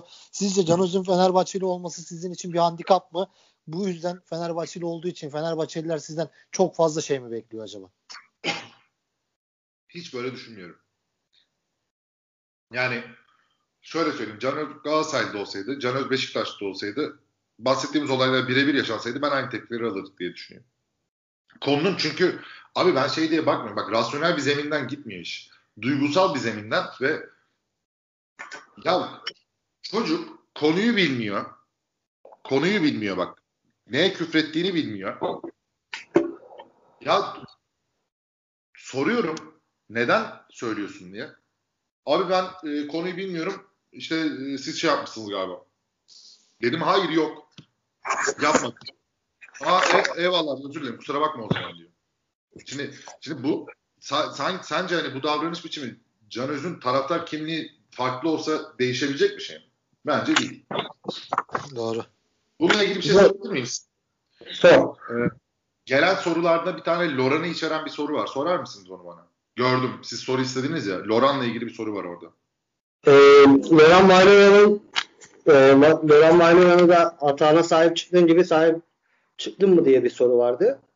E, ama şunu bu soruyu sorarken şunu da belirtmek lazım. Yani e, Sokrates'i diğer yani bizim Sokrates'ten beklentimiz diğer alışa gelmiş ana akım medyanın dışında olması. Yani bize bir umut vermesi. Aslında sizin üzerinizdeki bence beklentinin bu kadar yüksek olmasının sebebi de o. Yani ben Loran'la ilgili bir şey söyleyeyim. Ee, Loran Bayloyan da yani e, bir derbi sonrasında çak yaptığı için bir yöneticiyle işinden oldu ve medyadan sürüldü. Hangi derbiden sonraydı abi o? Hatırlıyor Efendim? musunuz? Hangi derbiden sonraydı o? E, Galatasaray maçı sonrasındaydı galiba. Fenerbahçe Galatasaray Telekom'daki. Maçı. Evet. Telekom'daki Galatasaray maçından sonra değil mi? Evet. Fenerbahçe kazanmıştı. Bir Fenerbahçe çalışanıyla evet. Fenerbahçe kazanmıştı. Orada sevincini paylaşıyor. Güzel. Bu da kameralara yansıyor. aynı gün benim başıma ne geldi hatırlıyor musunuz? Yan, yanlış hatırlamıyorsam aynı maç çünkü o. Aynı gündü. Aynı gün benim başıma geleni biliyor musunuz? Yok. Aynı gün bizim derbi yayını var. NTV Spor. Birini Florya'ya yolladılar. Galatasaray muhabiri şeyde duruyor, statta duruyor. Fenerbahçe muhabirini Samandıra'ya yolladılar. Ben böyle ıvır, ıvır, ben şeysiz bir muhabirim. Yani bir, ne basketbol muhabirim ne bir şeyim. Böyle e, ayrı işlerde gidiyordum. Beni Florya'ya yolladılar. Ee, üç. Değil mi? Üç. Biri daha vardı. O kimdi? Neredeydi? Ha biri de şeyde. Ee, Galatasaray'ın. Yok o bir dakika. Neredeydi ya diğeri? Neyse sorun değil. Bir de Ercan abi var stüdyoda falan filan. Abi o gün biz oradan yayın yapıyoruz. Ben Florya'nın önünde saat 9'da diktiler bize. Saat 12'ye doğru bir sürü kopil geldi. Arkama doluştular. 100 tane Galatasaraylı. Yayın yapacağız. Arkamda bağırdılar. Yayını bekliyorlar. Kendi aralarında konuşuyorlar. Yayın girince Az Yıldırım'a şöyle diyeceğiz. Bilmem ne böyle diyeceğiz. Onu şöyle diyeceğiz falan filan. Baba benim bir kaydım var. NTV Spor Fenerbahçe küfür yazınca ben çıkıyorum YouTube'da. Açıp bakabilirsiniz. Hatta 8 yıldır falan ben çıkıyorum zaten. Ki bunu da ben söyledim zaten yani. Daha bundan 3 sene önce falan söyledim açın bakın diye. Ben böyle duruyorum arkamda küfür ediyorlar ve ben o sırada yayında değilim. Bir yani kelebek düşün. Kelebekte biri orada biri orada ekranı dörde bölüyorlar ya. Bana sıra gelmesini bekliyorum. Benim sesim de duyulmuyor. Benim etrafımdaki ses de duyulmuyor. Bana geldiğinde anonsu veriyorlar. Konuşmaya başlıyorum. Kapatıyorum gidiyorum. Bunun uydudan bir tane manyak ve bu herif yani o dönem beni çok zor durumda bıraktığı için bu pislik diyeceğim yani. Bu rezil herif bir avukattı bunu yapan herif. Ee, alıp o görüntüyü uydudan kaydedip sanki NTV Spor ekibi Fenerbahçe ben Galatasaraylı taraftarları orada organize etmişim. Arkama 100 tane kopili bağlamışım. Bunları küfrettiriyormuşum diye alıp videoyu videoyu kesip başlığına da bu şekilde yazıp YouTube'a attı. O dönem Twitter, Twitter bu kadar şey değil, yoğun değil falan ama ben böyle 200 saatte 200 kişi falan üstümden geçti. Kanal arandı. Kanal arandı. Olay Doğuş yayın grubunun başındaki Cem Aydın'a kadar çıktı. Cem Aydın'a kadar çıktı. Bu herif böyle böyle dendi. Ertesi gün, o gün pardon, yönetim kurulu bir arada bir şekilde bir araya geldi. Konuştular. Ben işten kovulacak mı? Ben gerçekten böyle bir şey yaptım mı yapmadım mı? Bakılan bu. Yani bakınca da anlaşılıyor ki yapmamışım haliyle. Ben hayatıma devam ettim. O gün Fenerbahçelilerin çok sevdiği Feryal Pere vardır. Ablamdır. Feryal abla bana destek çıktı. Sakin. Hani sen bakma bunlara falan diye. O gün bana destek çıkan ikinci adam Loran'dır. Loran bana ilk muhabirliğe giderken, ilk canlı yayına giderken bana verdiği tüyolarla vesaire. Loran benim abimdir. Hepsinden öte. Aynı gün ben o maça gittim. Elim ayağım boşalmıştı. Akşam Loran'ı linçlediler. Olay benim üzerimden Loran'a döndü. Yani yan, o yüzden yanlış hatırlamıyorsam diyorum. Benim üzerimden ya hani Fenerbahçeliler e, tepki gösterirken bu sefer Galatasaraylılar bir mevzi alıp bu sefer Galatasaraylılar Loran üzerinden aynı şey yaptı. Şimdi ben o gün bundan şikayet eden adam olarak Loran'a yapılan şeyi destekleyebilir miyim abi? Tabii ki edemez. E, yani akıl var mantık var. Loran da yani Loran da hala abimdir. Hala da arada konuşurum ederim. Feryal abla da aynı şekildedir. Bunlar yani camianın çok saygı duyduğu Fenerbahçelilerdir. Bu kadar küçük hesapları olan bir insan olsaydım da bu kadar değer verdiğiniz insanlar herhalde bir yerde bir fark ederdi bir şey diye düşünüyorum. Ee, Onur şeyi sormak istiyorum. Ee, taraftarla bazen ilişkileriniz gerilebiliyor ama e, şu an Fenerbahçe Spor Kulübü ile Sokrates Dergi'nin ilişkileri nasıl? Bir sıkıntı Abi, şu bir ana şey. kadar biz Fenerbahçe Spor Kulübü'de hiçbir sorun yaşamadık. Hatta pardon sigara yaktım. Ee, hatta ve hatta en iyi ilişkide oldu. Yani şöyle en iyi ilişkiyi şuradan söyleyeyim. Abi sonuçta biz kulüplerin sporcularına vesaire talibiz yani. Onlarla içerik yapmak istiyoruz. Röportaj yapmak istiyoruz vesaire falan filan. Şu ana kadar Sokrates bünyesinde en çok içeriği yapılmış kulüp yani çok rahatlıkla Fenerbahçe'dir. E, o da basketbol tarafıyla özellikle. E, yani Obradoviç bizde 3 kere mi kapak oldu hatırlamıyorum. Fenerbahçe'de yapmadığımız basketbolcu yok. Uğur Ozan o konuda şeydir yani hani aktif. Evet. Zaten aktiftir. Bir de zaten bizim derginin çıktığı dönemle Fenerbahçe'nin Euroleague yolculuğunun tap yaptığı dönemde eşleştiği için yani oranın hype'ı da çok yüksekti her zaman. Ee, haliyle biz Fenerbahçe'nin tabii ki de futbolda bu sadece Fener için de geçerli değil, Galatasaray için de geçerli, Beşiktaş için de geçerli. Futbolcu alamıyoruz abi maalesef. Zorlanıyoruz. Çok zorlanıyoruz. Sadece üç büyükte de değil. Ee, başka bir kulüp de var mesela. Gidiyoruz e, anasının ikiye kadar yol gidiyoruz. Kapıya geldiğimizde diyorlar ki ya unutmuşuz biz. Sonra ertesi gün iki gün sonra bir daha gidiyoruz. Ya bizim topçu da çıktı gitti ya şimdi falan. Hani bu tarz şeyler de yaşadık. O yüzden futbolcularla bir şekilde kulüplerden izin alıp futbolcularla konuşmakta hakikaten çok zorlanıyoruz. O yüzden burada takım ayırmayacağım. Ee, ama basket tarafını da hesaba katınca Fenerbahçe kulübüyle şu an kadar bizim hiçbir problemimiz olmadı. Bana İnşallah. yansıyan, Fenerbahçe kulübünden bana yansıyan, ya bana derken birebir değil yani duydum da olabilir. Bana yansıyan bu muhabbetlerin üzerine direkt bir tepki de yok bildiğim. Kulübün içinde tanıdığım insanlar var. Az çok yakın hani yönetime falan da diyeyim hadi. Ee, onlardan bazıları bu muhabbetlerin içeride konuşulduğunu biliyorum. Bize bir tavır yansımadı ama bu muhabbetlerin, konuştuğumuz muhabbetlerin o sosyal medyada kopan fırtınanın bir şekilde oraya da aksettirildiğini yani o tarafta da bir e, konu olarak geçtiğini biliyorum. Resmi olarak değil, gayri resmi olarak yani bir sohbet olarak. Yani biliyorlar yani en azından öyle diyeyim. Bu kadar. Şeyi sormak istiyorum ben şimdi. Yani biz Sokrates'i ben sürekli takip ediyorum. Tabii her sayısı elimde mevcut. Röportajların ne kadar doyurucu olduğunu farkındayım. Yani Türkiye'de en iyi röportajlar Sokrates'te yayınlanıyor. Yarın bir gün Mesut Özil röportajını da eminim yapmak isteyeceksiniz. Mesela yazın bunu yapmak için bir kulüple iletişime de geçebilirsiniz. Bu bugün yaşadığınız olaylar, senin yaşadıkların, Londra merkezde söylediklerin veya tweet atmama olayları gibi gündemler karşınıza çıkar mı yoksa bunlar unutulup geçecek şeyler ve biz Mesut röportajını gayet iyi şekilde yaparız diyor biliyor musun?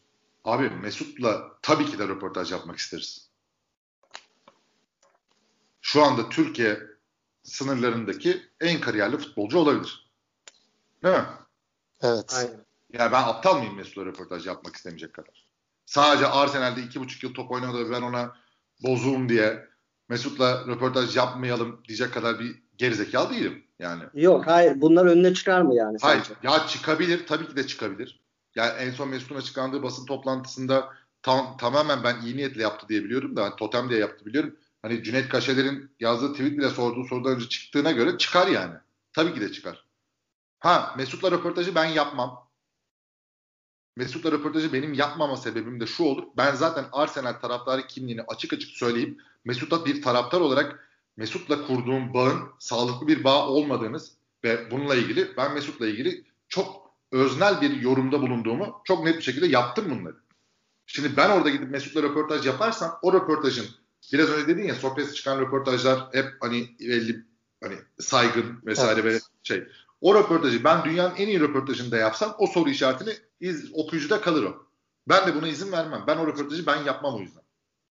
Bu sadece bu arada yani şeye de çok üzülüyorum. Abi bak futboldan anlamıyorum diyorum. Bir şey hani ben o konuda bir şey demiyorum diyorum. Ya Allah kahretsin futbolla ilgili hakikaten üzerine konuşabileceğim bir Arsenal kulübü var. Biraz Premier Lig var. Arsenal Lig topçular var. Ya onlardan birine denk geldi konu. Onunla ilgili konuştum. O da bana bak böyle döndü. Yani hani zaten az var. Anlatabiliyor muyum? Yani zaten az olanda da konuşamıyorum şu anda yani. Hani konuşamıyorum dediğim yani konuştuğumda sanki şeymiş gibi algılanıyor. Böyle nasıl anlatayım?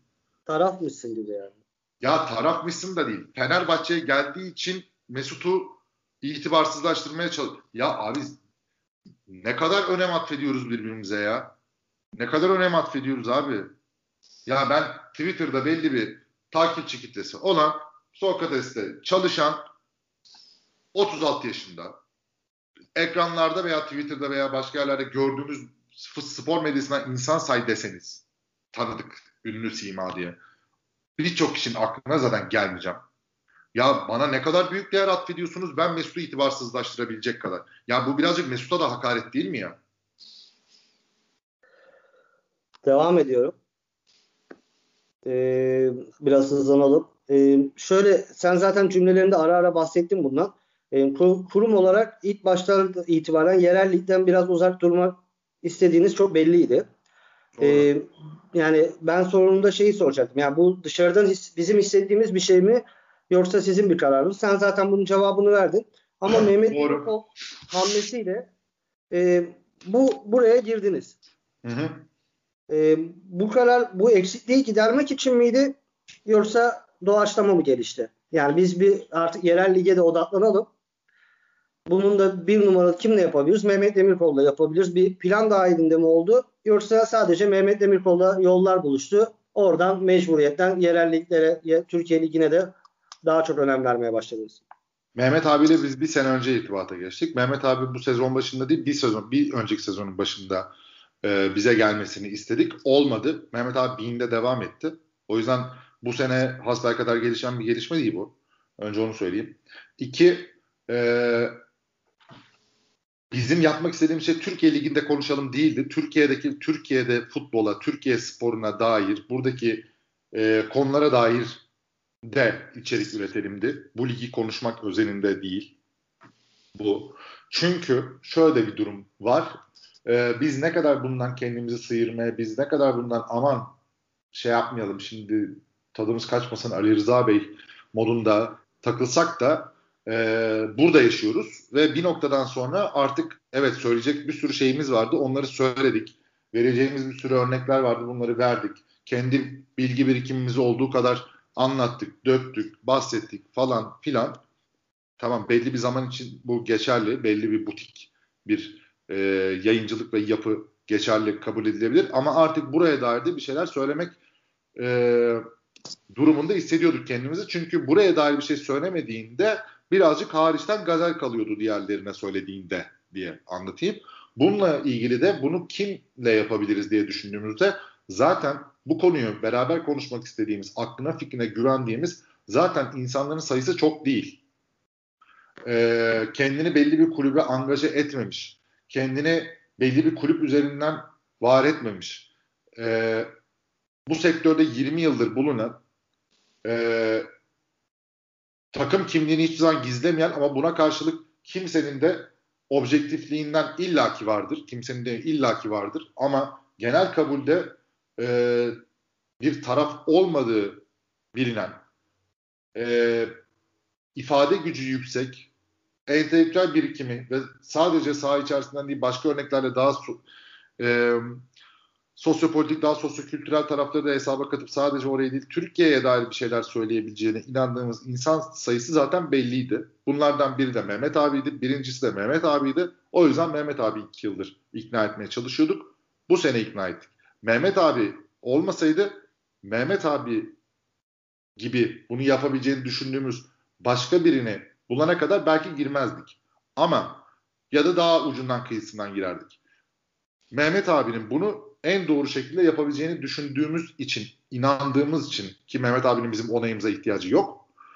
Onunla başladı bu süreç. Burada da amaç şuydu bir taraftan da abi insanlar bizi değiştirip dönüştürebiliyor. İçinde bulunduğumuz toplum bizi değiştirip dönüştürebiliyor. Ama bir kişi bile olsa bir kişinin de başkalarını değiştirebilme etkisi veya gücü var, kudreti var. O yüzden biz diyorum ya hayat sıfır ve birden ibaret değil. Belki de biz bu yayınları yaparak birkaç kişinin kafasında hayat sıfır ve birden ibaret değil lan hakikaten. Bak bu adamlar da ne sıfır ne de bir arada bir yerdeler ve hiçbir taraf değiller. Doğru neyse bugün birinin taraf bir doğru söylüyorsa biri sıfır doğru söylüyorsa sıfıra dair bir şey söyleyen onu takdir eden sırtını okşayan yarın öbür gün öbürü yaptığında aynı şekilde okşayan ya da yeri geldiğinde eleştiren ve bunu bir ajandayla yapmayan insanlar olarak kabul edip kendisini de dönüştürmeyi niyetlenirse bizim için olabilecek en doğru şey. Biz de kendimize kitle kazanmış oluruz. Ve bu bizim yaşamamızı ve ömrümüzü arttıracak. Yani şey gibi düşün bunu. Ee, atıyorum oksijen tüpü var abi. Beş tane var. Oksijen tüpü bir noktada biter. Ama yenilerini bulmaya başladığında senin ömrün de artacak. Senin ömrün de uzayacak. Ben bu kitleyi büyütürsem Türkiye'de bunları bu şekilde konuşabileceğim insan sayısını ve e, izleyiciyi, okuyucuyu, benle tanıştırabilirsem ve onlar da benim bunu bu niyetle yaptığımdan emin olabilirse ben onlarla çok sağlıklı bir ilişki kurarım ve bu kitle büyüdüğü sürece Sokrates de büyür.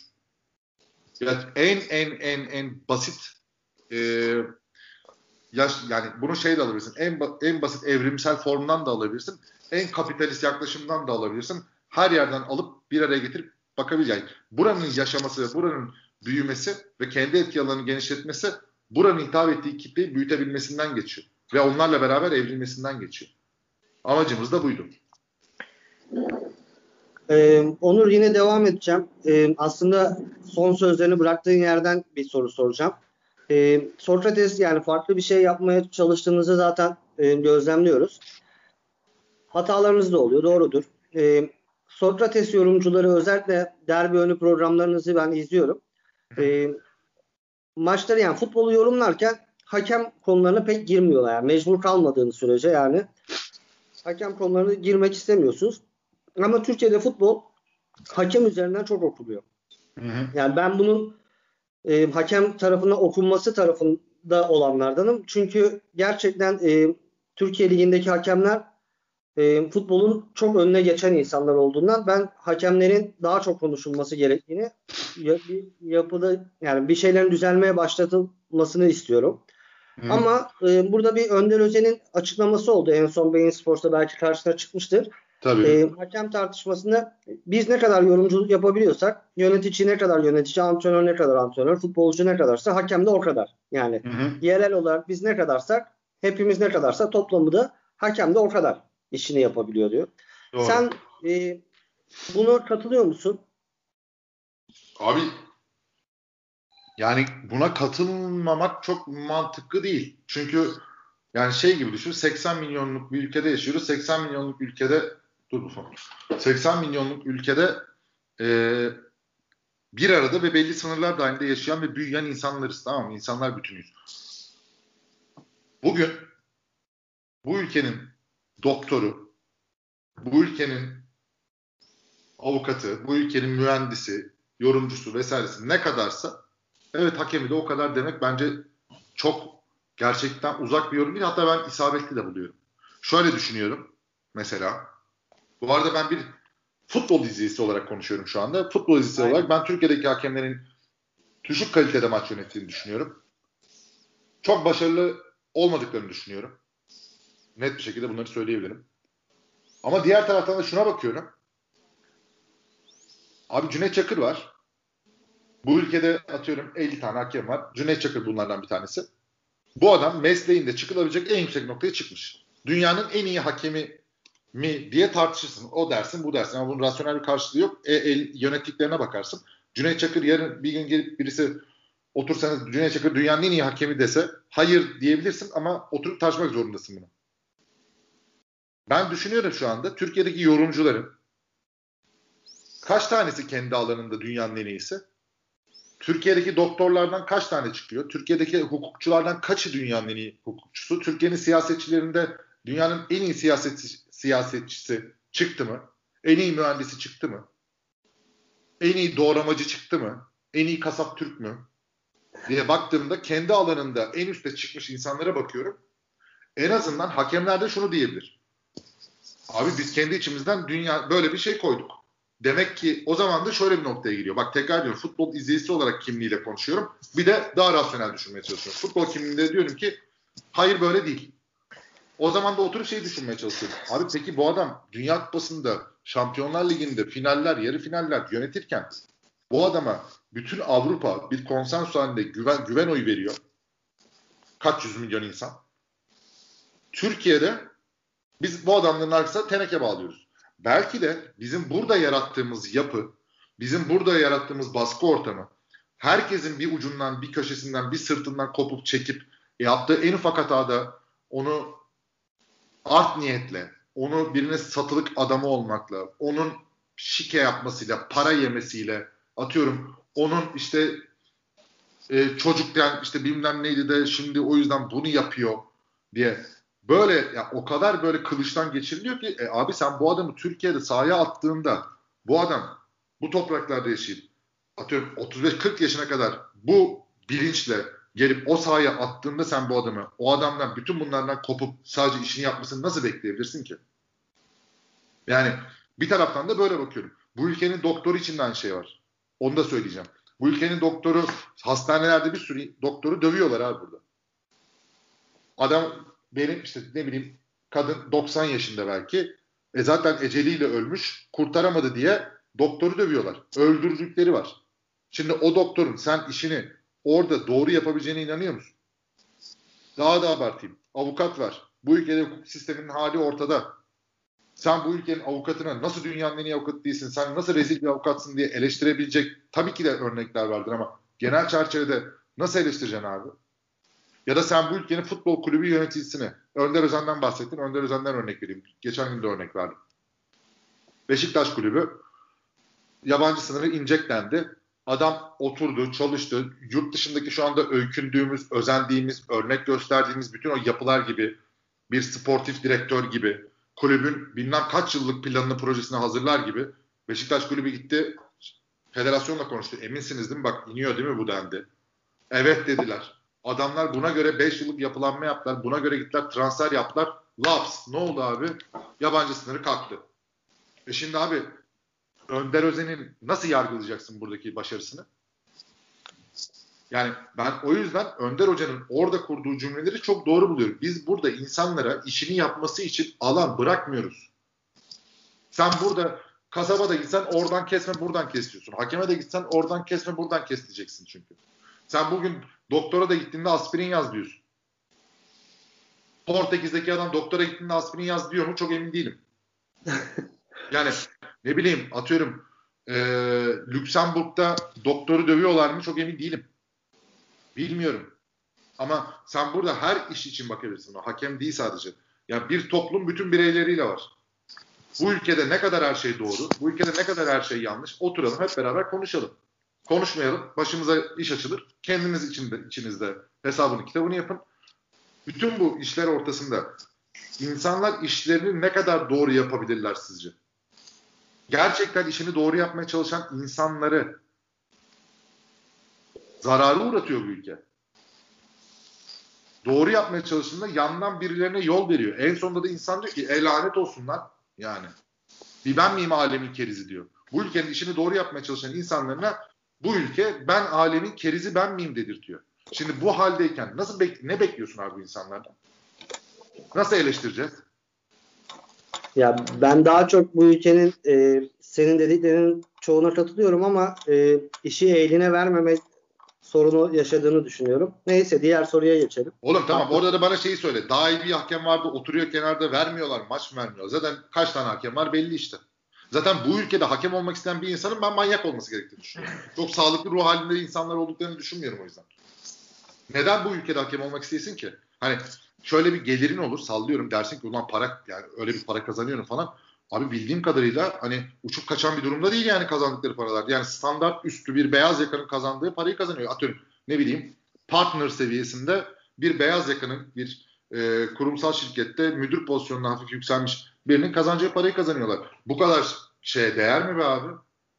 Değer mi yani? Peki diğer soruya geçelim. Şeyi sormak istiyorum ben yani Türkiye atmosferindeki Türkiye'deki oyuncularla, hocalarla ilgili yorumlardan uzak duruyorsunuz ama mesela Londra merkezde izlediğimiz zaman mesela rahatlıkla espri de olsa hoca değil, topçu değil veya herhangi Tabii. bir şekilde dalga da geçebildiğiniz veya şaka da yapabildiğiniz yorumları yapabiliyorsunuz. Günün birinde Londra merkez yerine mesela bunun Türkiye Süper Ligi versiyonu oldu. Mesela İstanbul Merkez adında bir program olabilir mi sizce? Mümkün değil. Londra merkezde de söyledik mümkün olamayacağını. Yapamayız abi açık konuşalım. Yapamayız yani. Mümkün değil yani. Nedenini hani soru söylememi istiyorsan söyleyeyim. Ya bunu programda birebir söylediğim için de söylüyorum. Abi ee, Gary Neville'la Jamie Carragher'ın ilişkisine bakın. Beraber yorum yapıyorlar. Biri Manchester United'lı, biri Liverpool'lu. Fanatik şey, şekilde takımlarını destekliyorlar. Birbirleri maçlardan önce dalga geçiyorlar. Twitter'dan yendikten sonra o ona laf sokuyor, bu buna laf sokuyor falan filan. Ben şeyi görmüyorum ama Gary Neville Jamie Carragher'a böyle hafiften bir geçirdiğinde altına diğer bütün Liverpool'ların dönüşüp seni bitireceğiz oğlum tadında yaklaştığını görmüyorum. Onlar da o mavraya katılıyorlar. Bizim Londra merkez tarafında bu kadar rahat, bu kadar vurdum duymaz, bu kadar ağzı geniş konuşabilmemizin sebebi yani bu kalkıp da burada abi şeyi düşünemiyorum ben ya. Yani tahayyül edemiyorum ya öyle diyeyim yani. Hani yani tahayyül edemedim bak şu anda. Mesela benim Arsenal taraftarı olarak Arsenal'deki topçular için kurduğum cümleleri bir Mustafi için, bir Şaka için atıyorum. Ne bileyim işte bir yani var yani bir sürü kurduğum cümle ya da Arsenal'deki işte Leno'yu sakatlayan Neil Mope için Brighton'lı kurduğum bir cümleyi Türkiye'de atıyorum Kayseri taraftarıyım ben. Kayseri taraf bak Kayseri dedim. Yani şey taraftar şeyine girmedim. Bak Galatasaray'a, Fener'e, Beşiktaş'a, Trabzon'a, Bursa'ya falan girmedim. Göztepe, Karşıyaka'ya falan da girmedim. Yani. Kayseri dedim. Kayseri'den bir futbolcuyla alakalı ben taraftar gibi çıkıp burada gevşek gevşek konuşsam abi Kayseri fırıncılar odasına kadar ben küfür yerim ya. Açıklama yayınlarlar. Açıklama yayınlarlar. Allah belan versin açıklama yayınlarlar. Sen Kayseri'yi küçük düşürüyorsun. Kayseri'yle kimse böyle konuşamaz. Kayseri büyük taştır altında kalırsın diye küfür yerim. Ben de manyak mıyım abi bununla uğraşayım? Ha ama sen arkadaş arasında açık konuşalım hadi. Üniversitede, lisede bir, siz bu yayını dinleyenler, ben, benim arkadaşlarım lisede, ortaokulda, kendi arkadaş grubunda bu muhabbeti yapmadınız mı? Birbirinize takılmadınız mı? Birbirinizle yani atıyorum hafif konuşayım dalga geçmediniz mi? Bunun muhabbetini yapmadınız mı? Her seferinde birbirinize dövüştünüz mü abi? Bunun mavrası da güzel. Evet. Bunun mavrasını yapmaya kalktığında da geçmiş olsun. Ha bak ben şey de diyorum. Yani ben orada en çok gömdüğüm, yani benim en çok laf ettiğim Arsenal. Başından beri alabilirsiniz yani program. En, en sövdüğüm kulüp Arsenal'dir. Abi şu anda ben bir atıyorum Arsenal taraftarı olarak konuşuyorum ve Arsenal'li bir yorumcu olarak en çok Arsenal'e sövdüm diye bak. Türkiye'de ben kendi takımına söven ve ke, hani bu şeyle e, özdeşleştirip kendi takımına direkt esas okları ona yönlendiren birini görmedim abi. Hiçbir ne yorumcu gördüm, ne gazeteci gördüm. Kimseyi görmedim. O yüzden de biz bize de dedim ki sadece sizin duymak istediklerinizi söyleyen insanlara da o kadar güvenmeyin abi. Bana hiç sağlıklı gelmiyor bu. Evet. Ya onlar belki de onların bir çıkarı vardır abi. Belki de esas zararı onlar veriyordur size. Belki de esas ajandası olanlar onlardır bilmiyorum. Ama yani bak tekrar söylüyorum neden olmaz sorusunun bir cevabı da bu. Ben bir Arsenal taraftarı olarak çıkıp Londra merkezde Arsenal'e gömebilirim. Ben Türkiye'de atıyorum işte beni Fenerli yap, Erman'ı Galatasaraylı yap, işte ne bileyim Ozan'ı şeyli yap, Beşiktaşlı yap. Öyle bir İstanbul merkez dedin ya hadi. Öyle bir program yaptım. Ben kendi tarafı tara- takımımla ilgili aynı düzeyde aynı şekilde konuşsam önce beni yerler ya. Önce beni yerler yani. Başka takıma gerek yok yani. Evet doğru. Ş- şeyi de sormak istiyorum ben. Sizi sonuçta sadece Fenerbahçeliler linç etmiyor. Zaman zaman Galatasaraylılar da linç ediyor. Beşiktaşlılar evet. da linç ediyor. Veya başka takım taraftarlar. Hatta ben Londra merkez izlediğim için de biliyorum. Yani İngiltere takımlarının bile şeyleri espri yollu da olsa size takıldıkları oluyor yani. Bizim takım hakkında neden az konuşuyorsun falan yani. Peki, Ama peki... biz o açıdan çok şanslıyız. Biz Rafael Nadal'cılardan da linç yedik. Doğru. İşte ne bileyim Lewis Hamilton'cılardan da linç yedik. İşte Ronnie O'Sullivan'cılardan da linç yedik. Genel o konuda şey e, elimiz geniş. Evet. Peki şeyi sormak istiyorum burada. Peki bu gerçekten size olumsuz anlamda dinlenme, derginin satıl, satılması anlamında bir etkisi oluyor mu yoksa anlık Twitter'da insanlar tweet atıyor veya ufak bir goy goy yapıyorlar işte. Bir heyecana kapılıyorlar, gidiyorlar ve konu unutulup gidiyor mu? Zannetmiyorum bir etkisi olduğuna. Daha da açık konuşayım hadi. Abi yıllardır ben kendim bildim bileli işte dekoder satan işte ne Sine 5 ile başladı değil mi dekoder satışı? Evet. O, 25 yıldır falan dekoder var hayatımızda. 25 yıldır ben dekoder boykotu görüyorum ya. Galatasaraylısı, Fenerbahçelisi, Beşiktaşlısı her sene birileri işte yayıncı kuruluşa karşıyız dekoderi boykot edeceğiz. Abi hiç düşmedi bu adamların. Futbol işte ne bileyim futbol gazetelerinin satışları düşmedi. Onlar da boykot yediler. Düşmedi. Ya ben bu zaten bu da bir problem. Bak bu da bir saçmalık çünkü abi şöyle bir şey de var. Yani tepki mekanizması ve tırnak içerisinde linç. Şimdi ben gerçekten linç yiyen insanların e, la kendimi eşleyip ben de linç yedim demekten tenezzül ederim hadsizlik bulurum. Yani bu hayatımda gerçekten linç yemiş insan ama o kavramı ayrı konayım ama tırnak içerisinde kullanayım hadi. Abi o kadar o kadar ayağa düştü ki bu iş. Ya o kadar ayağa düştü ki etkisi yok abi. Yani gerçek bir tepkinin ne olduğunu unuttuk. Sadece deşarj olmak için tepki veriyoruz. Ve önüne, sonuna, arkasına, ideolojisine, sağına, soluna bakmadan yaptığımız için ne yaptığımız, te- verdiğimiz tepki ayakları yere basan bir tepki. Ayakları yere basmadığı için de sabun köpüğü gibi kaybolup gidiyor.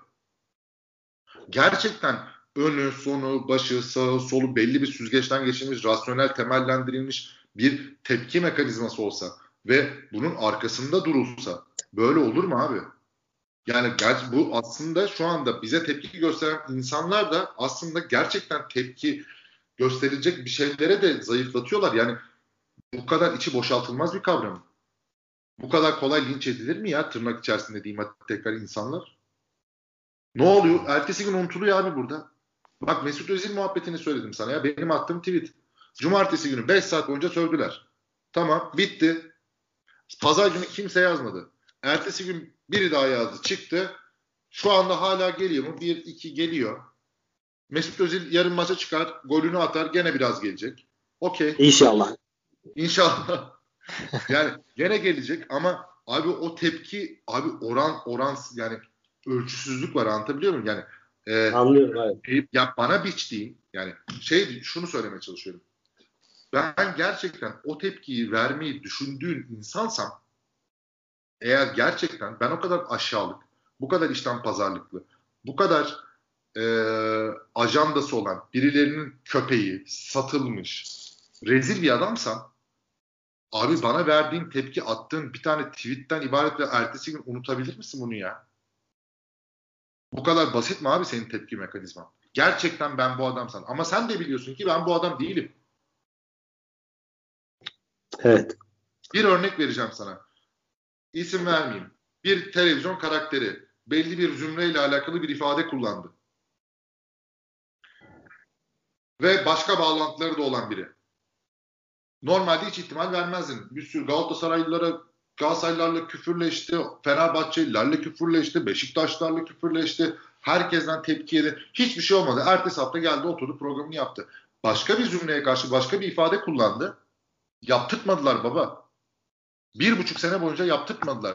Gittiler kanalın önüne gittiler, oraya gittiler, buraya gittiler. Milletvekili çıktı, o konuştu, söyledi ama o tepkinin bir dayanağı vardı. Ve adamlar gerçekten o tepki hakikaten e, içselleştirdikleri için o iş, ifadeyi ve bu hakareti yani e, gerçekten rahatsız oldukları için bak bir buçuk yıl boyunca adama adım attırmadılar ya. E, şimdi bu tepki bir tarafta bir de işte ya Mesut'la ilgili tweet atmadınız. Ya abi şimdi aynı şey mi bu ya? Yani, hani aynı tweet'i atıyorsun ama sonuçta. Anlatabiliyor muyum? Anlıyorum. Evet. Onu bir buçuk saate geldik. Biz sorularını sorduk. Sen de içini döktün. Son bir sorumuz var. Ee, Twitter'dan takipçimiz Carlo e, vakit geçirmece. Güzel bir soru. Onu almak istedik özellikle. Ee, Kral Masası programı için soruyor. Bu programı Çağla Özge Öztürk ile çekmeyi düşündünüz mü? Hani kadının konuştuğu, erkeğin yemek yaptığı klişeleri yıkan bir format olurdu diye fikrini belirtmiş. Sen ne düşünüyorsun bu konuda? Yaklaşımı çok doğru bir yaklaşım. Yani ya, yürüdüğü yer ve mantık doğru. Öyle bir konsept hakikaten ezber bozan bir şey olabilirmiş. Ama şöyle bir problem var. Biz e, kral masasını oturup Mehmet abiyle ve işte programın sponsoru Bad'dı onlarla beraber oturup konuştuğumuzda Çağıl zaten bizim aramıza katılmamıştı daha. Hmm. Zaten o format ki Mehmet abi de gastronomi ve yemek yani onların en büyük hayali Fuat abiyle de zamandan itibaren gidelim deplasmanda yemek yiyelim, orada yemek yiyelim, işte buradaki köfteyi tadalım, orada künefeyi gömelim olduğu için ve çok sevdikleri için bunu özellikle Mehmet abinin de bu konuya ilgisi olduğu için hani o tarz bir şey yapmak istiyordu. Ee, ona da öyle bir format hazırlamıştık zaten. Daha önceden konuşmuştuk. Yani bizim onu yaptığımız, konuştuğumuz Ağustos sonu Eylül başı falandır. İşte Çağıl'da bizim aramıza Ekim'de mi katıldı? Öyle yani arada arada zaman var yani. Hani zaten o program Mehmet abi konseptinde hazırlanmıştı ve o program e, yayın tarihi sonra da yani programın yayın tarihi geç de onun kararlaştırılıp o markanın da iletişim planıyla alakalı e, o yapıldığında zaten öyle bir durum yoktu. Belki Son... ilerleyen zamanlarda Çalı'da böyle bir program yaptırabilirsiniz. Abi böyle olabilir ya da dediği mantıktan yola çıkarak en azından başka bir şey yaparken de biz de bu şekilde düşünebiliriz. Yani e, o şekilde düşünmemiştim. Gayet kafa açıcı bir yerden geldi. Hani bu yemek, kadın, erkek vesaireden çıkıp hani başka türlü bir şekilde de bu ifade edilebilir ya. Yani bir şey üretirken, düşünürken kafamızda olabilir gayet. Teşekkür ediyorum kendisine. Doğru bir yerden bakmış bence. Son olarak şunu sormak istiyorum. Sokrates YouTube kanalı genel yayın yönetmeni olarak Fenerbahçe taraftarlarına ne söylemek istersin? Fenerbahçe taraftarlarına çok net bir şey söylemek isterim. Ee, yani gerçekten ve gerçekten art niyetli ve e, türlü kötülükler peşinde insanlar olduğumuzu düşünüyorsanız çok üzülürüm. Ee, üzülmemin sebebi de aslında bizim yapmak istediğimiz şeyin ortalarda bir yerde söylemiştim. Benim en çok canımı yakan, kanıma dokunan şey diye söylemiştim. Ee, olmak istemediğimiz insanlarla e, başka bir şey yapabiliriz diyerek çıktığımız bu yolda e, oraya doğru ilerlemeye çalışırken e, bu kadar aslında komplo teorileri vesairelerden yola çıkarak verilen tepkilerle bizi başkalarının yanına itmeyin abi. Gerek yok. Yani ne biz öyle insanlarız ne de bizim kafamız bu şekilde çalışıyor. Yani buradaki insanların hepsi adına konuşuyorum. Mesleklerine saygıları var. Birbirlerine saygıları var. Ve hepsinden önce kendilerine saygıları var. Ya ben bu kadar küçük bir hesap için kendime bu kadar sövdürtmem yani. O diğer insanlar da aynı şekilde. Bunu göze almam ben yani. Ya bu kadar küçük hesapların peşinde koşuyor. Ben ya benim yüzüne baktığım insanlar var hayatta. Diğerlerinin de olduğunu biliyorum. En başta kendimize saygımız var. Kendimize saygımız olduğu için bile yapmayız bunu yani. Bir şey yapıldıysa bu şey demek değil. Onu da söyleyeyim. Hata yapmıyoruz demek değil. Bugün ya, yanlış yapmışızdır. Yarın da yapacağız. İlla ki olacak. İlla ki bir yerde patlarız. İlla ki bir yerde saçma sapan bir şey yaparız. Olmayacak bir şey de çıkar. Kafanızda sadece şu olsun. Hata yapıldıysa hata olduğu için yapılmıştır. Birisi bir yanlış yapmıştır ve ondan dolayı olmuştur. Bunun arkasında bir plan, art niyet, organizasyon vesaire. Biz kendi içimizde bu şekilde çalışmıyoruz. Ben şahsen kendi adıma çok teşekkür ediyorum bu yayına gelip samimice bütün düşüncelerini anlattığın için. Eyvallah sözü, ben teşekkür ederim. Sözü Atilla'ya bırakıyorum. Onurcuğum kapatıyoruz. Bir buçuk saate yaklaştık. E, Fenerbahçe taraftarının e, hislerini sana anlatmaya çalıştık biraz. E, sen de bize Sokrates'in bakış açısını anlattın. Abi Son ne kadar konuşursak o kadar iyi. Ne kadar konuşursak o kadar iyi. Böyle bu şekilde birbirimize anlattıkça beni tanımayan beni tanır, ben onları tanırım falan. Yani bu şekilde diyalogla gidiyor her şey. O yüzden ben teşekkür ederim çağırdığınız için. E, programı kapatırken ben de şunu ekleyeyim. E, dediğim gibi ana akım medyadan Fenerbahçe taraftarı o kadar sıkıldı ki e, Sokrates bizim için bir çıkış yeri. Hatta zaman zaman e, ben bile çoğunuz arkadaşımsınız yani program yapan neredeyse herkesi tanıyorum.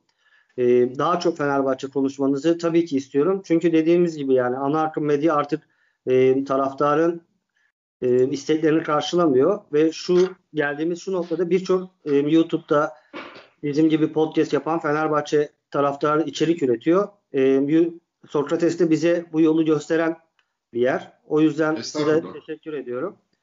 Ee, ama ne kadar çok Fenerbahçe yani her taraftar bunu ister ama ben kendi şahsi özelimde söylüyorum. Yani daha çok Fenerbahçe içeriği üretirseniz bizi daha çok mutlu edersiniz. Ben de bununla ilgili şunu söyleyeyim. Yani daha çok Fenerbahçe içeriği üretelim diye bir çabamız muhtemelen olmaz. Tıpkı daha çok Beşiktaş daha çok Galatasaray içeriği üretelim gibi bir çabamız olmayacağı gibi ama şunun sözünü verebilirim. Ee, geçen seneden itibaren bu sene değişen şeyler buraya dair biraz daha konuşmaya çalışıyoruz. Ee, bunlar olur yolda hani yanlış anlaşılırız, doğru anlaşılırız, otururuz, konuşuruz.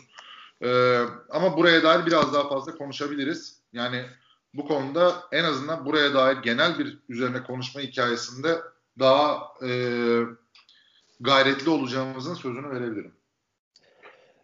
Ee, programımızın sonuna geldik. Sokrates YouTube kanalı genel yayın yönetmeni Onur Erdem'i ağırladık. Bizi dinleyen herkese çok teşekkür ediyoruz. Onur'a konuk olduğu için tekrar teşekkür ediyoruz.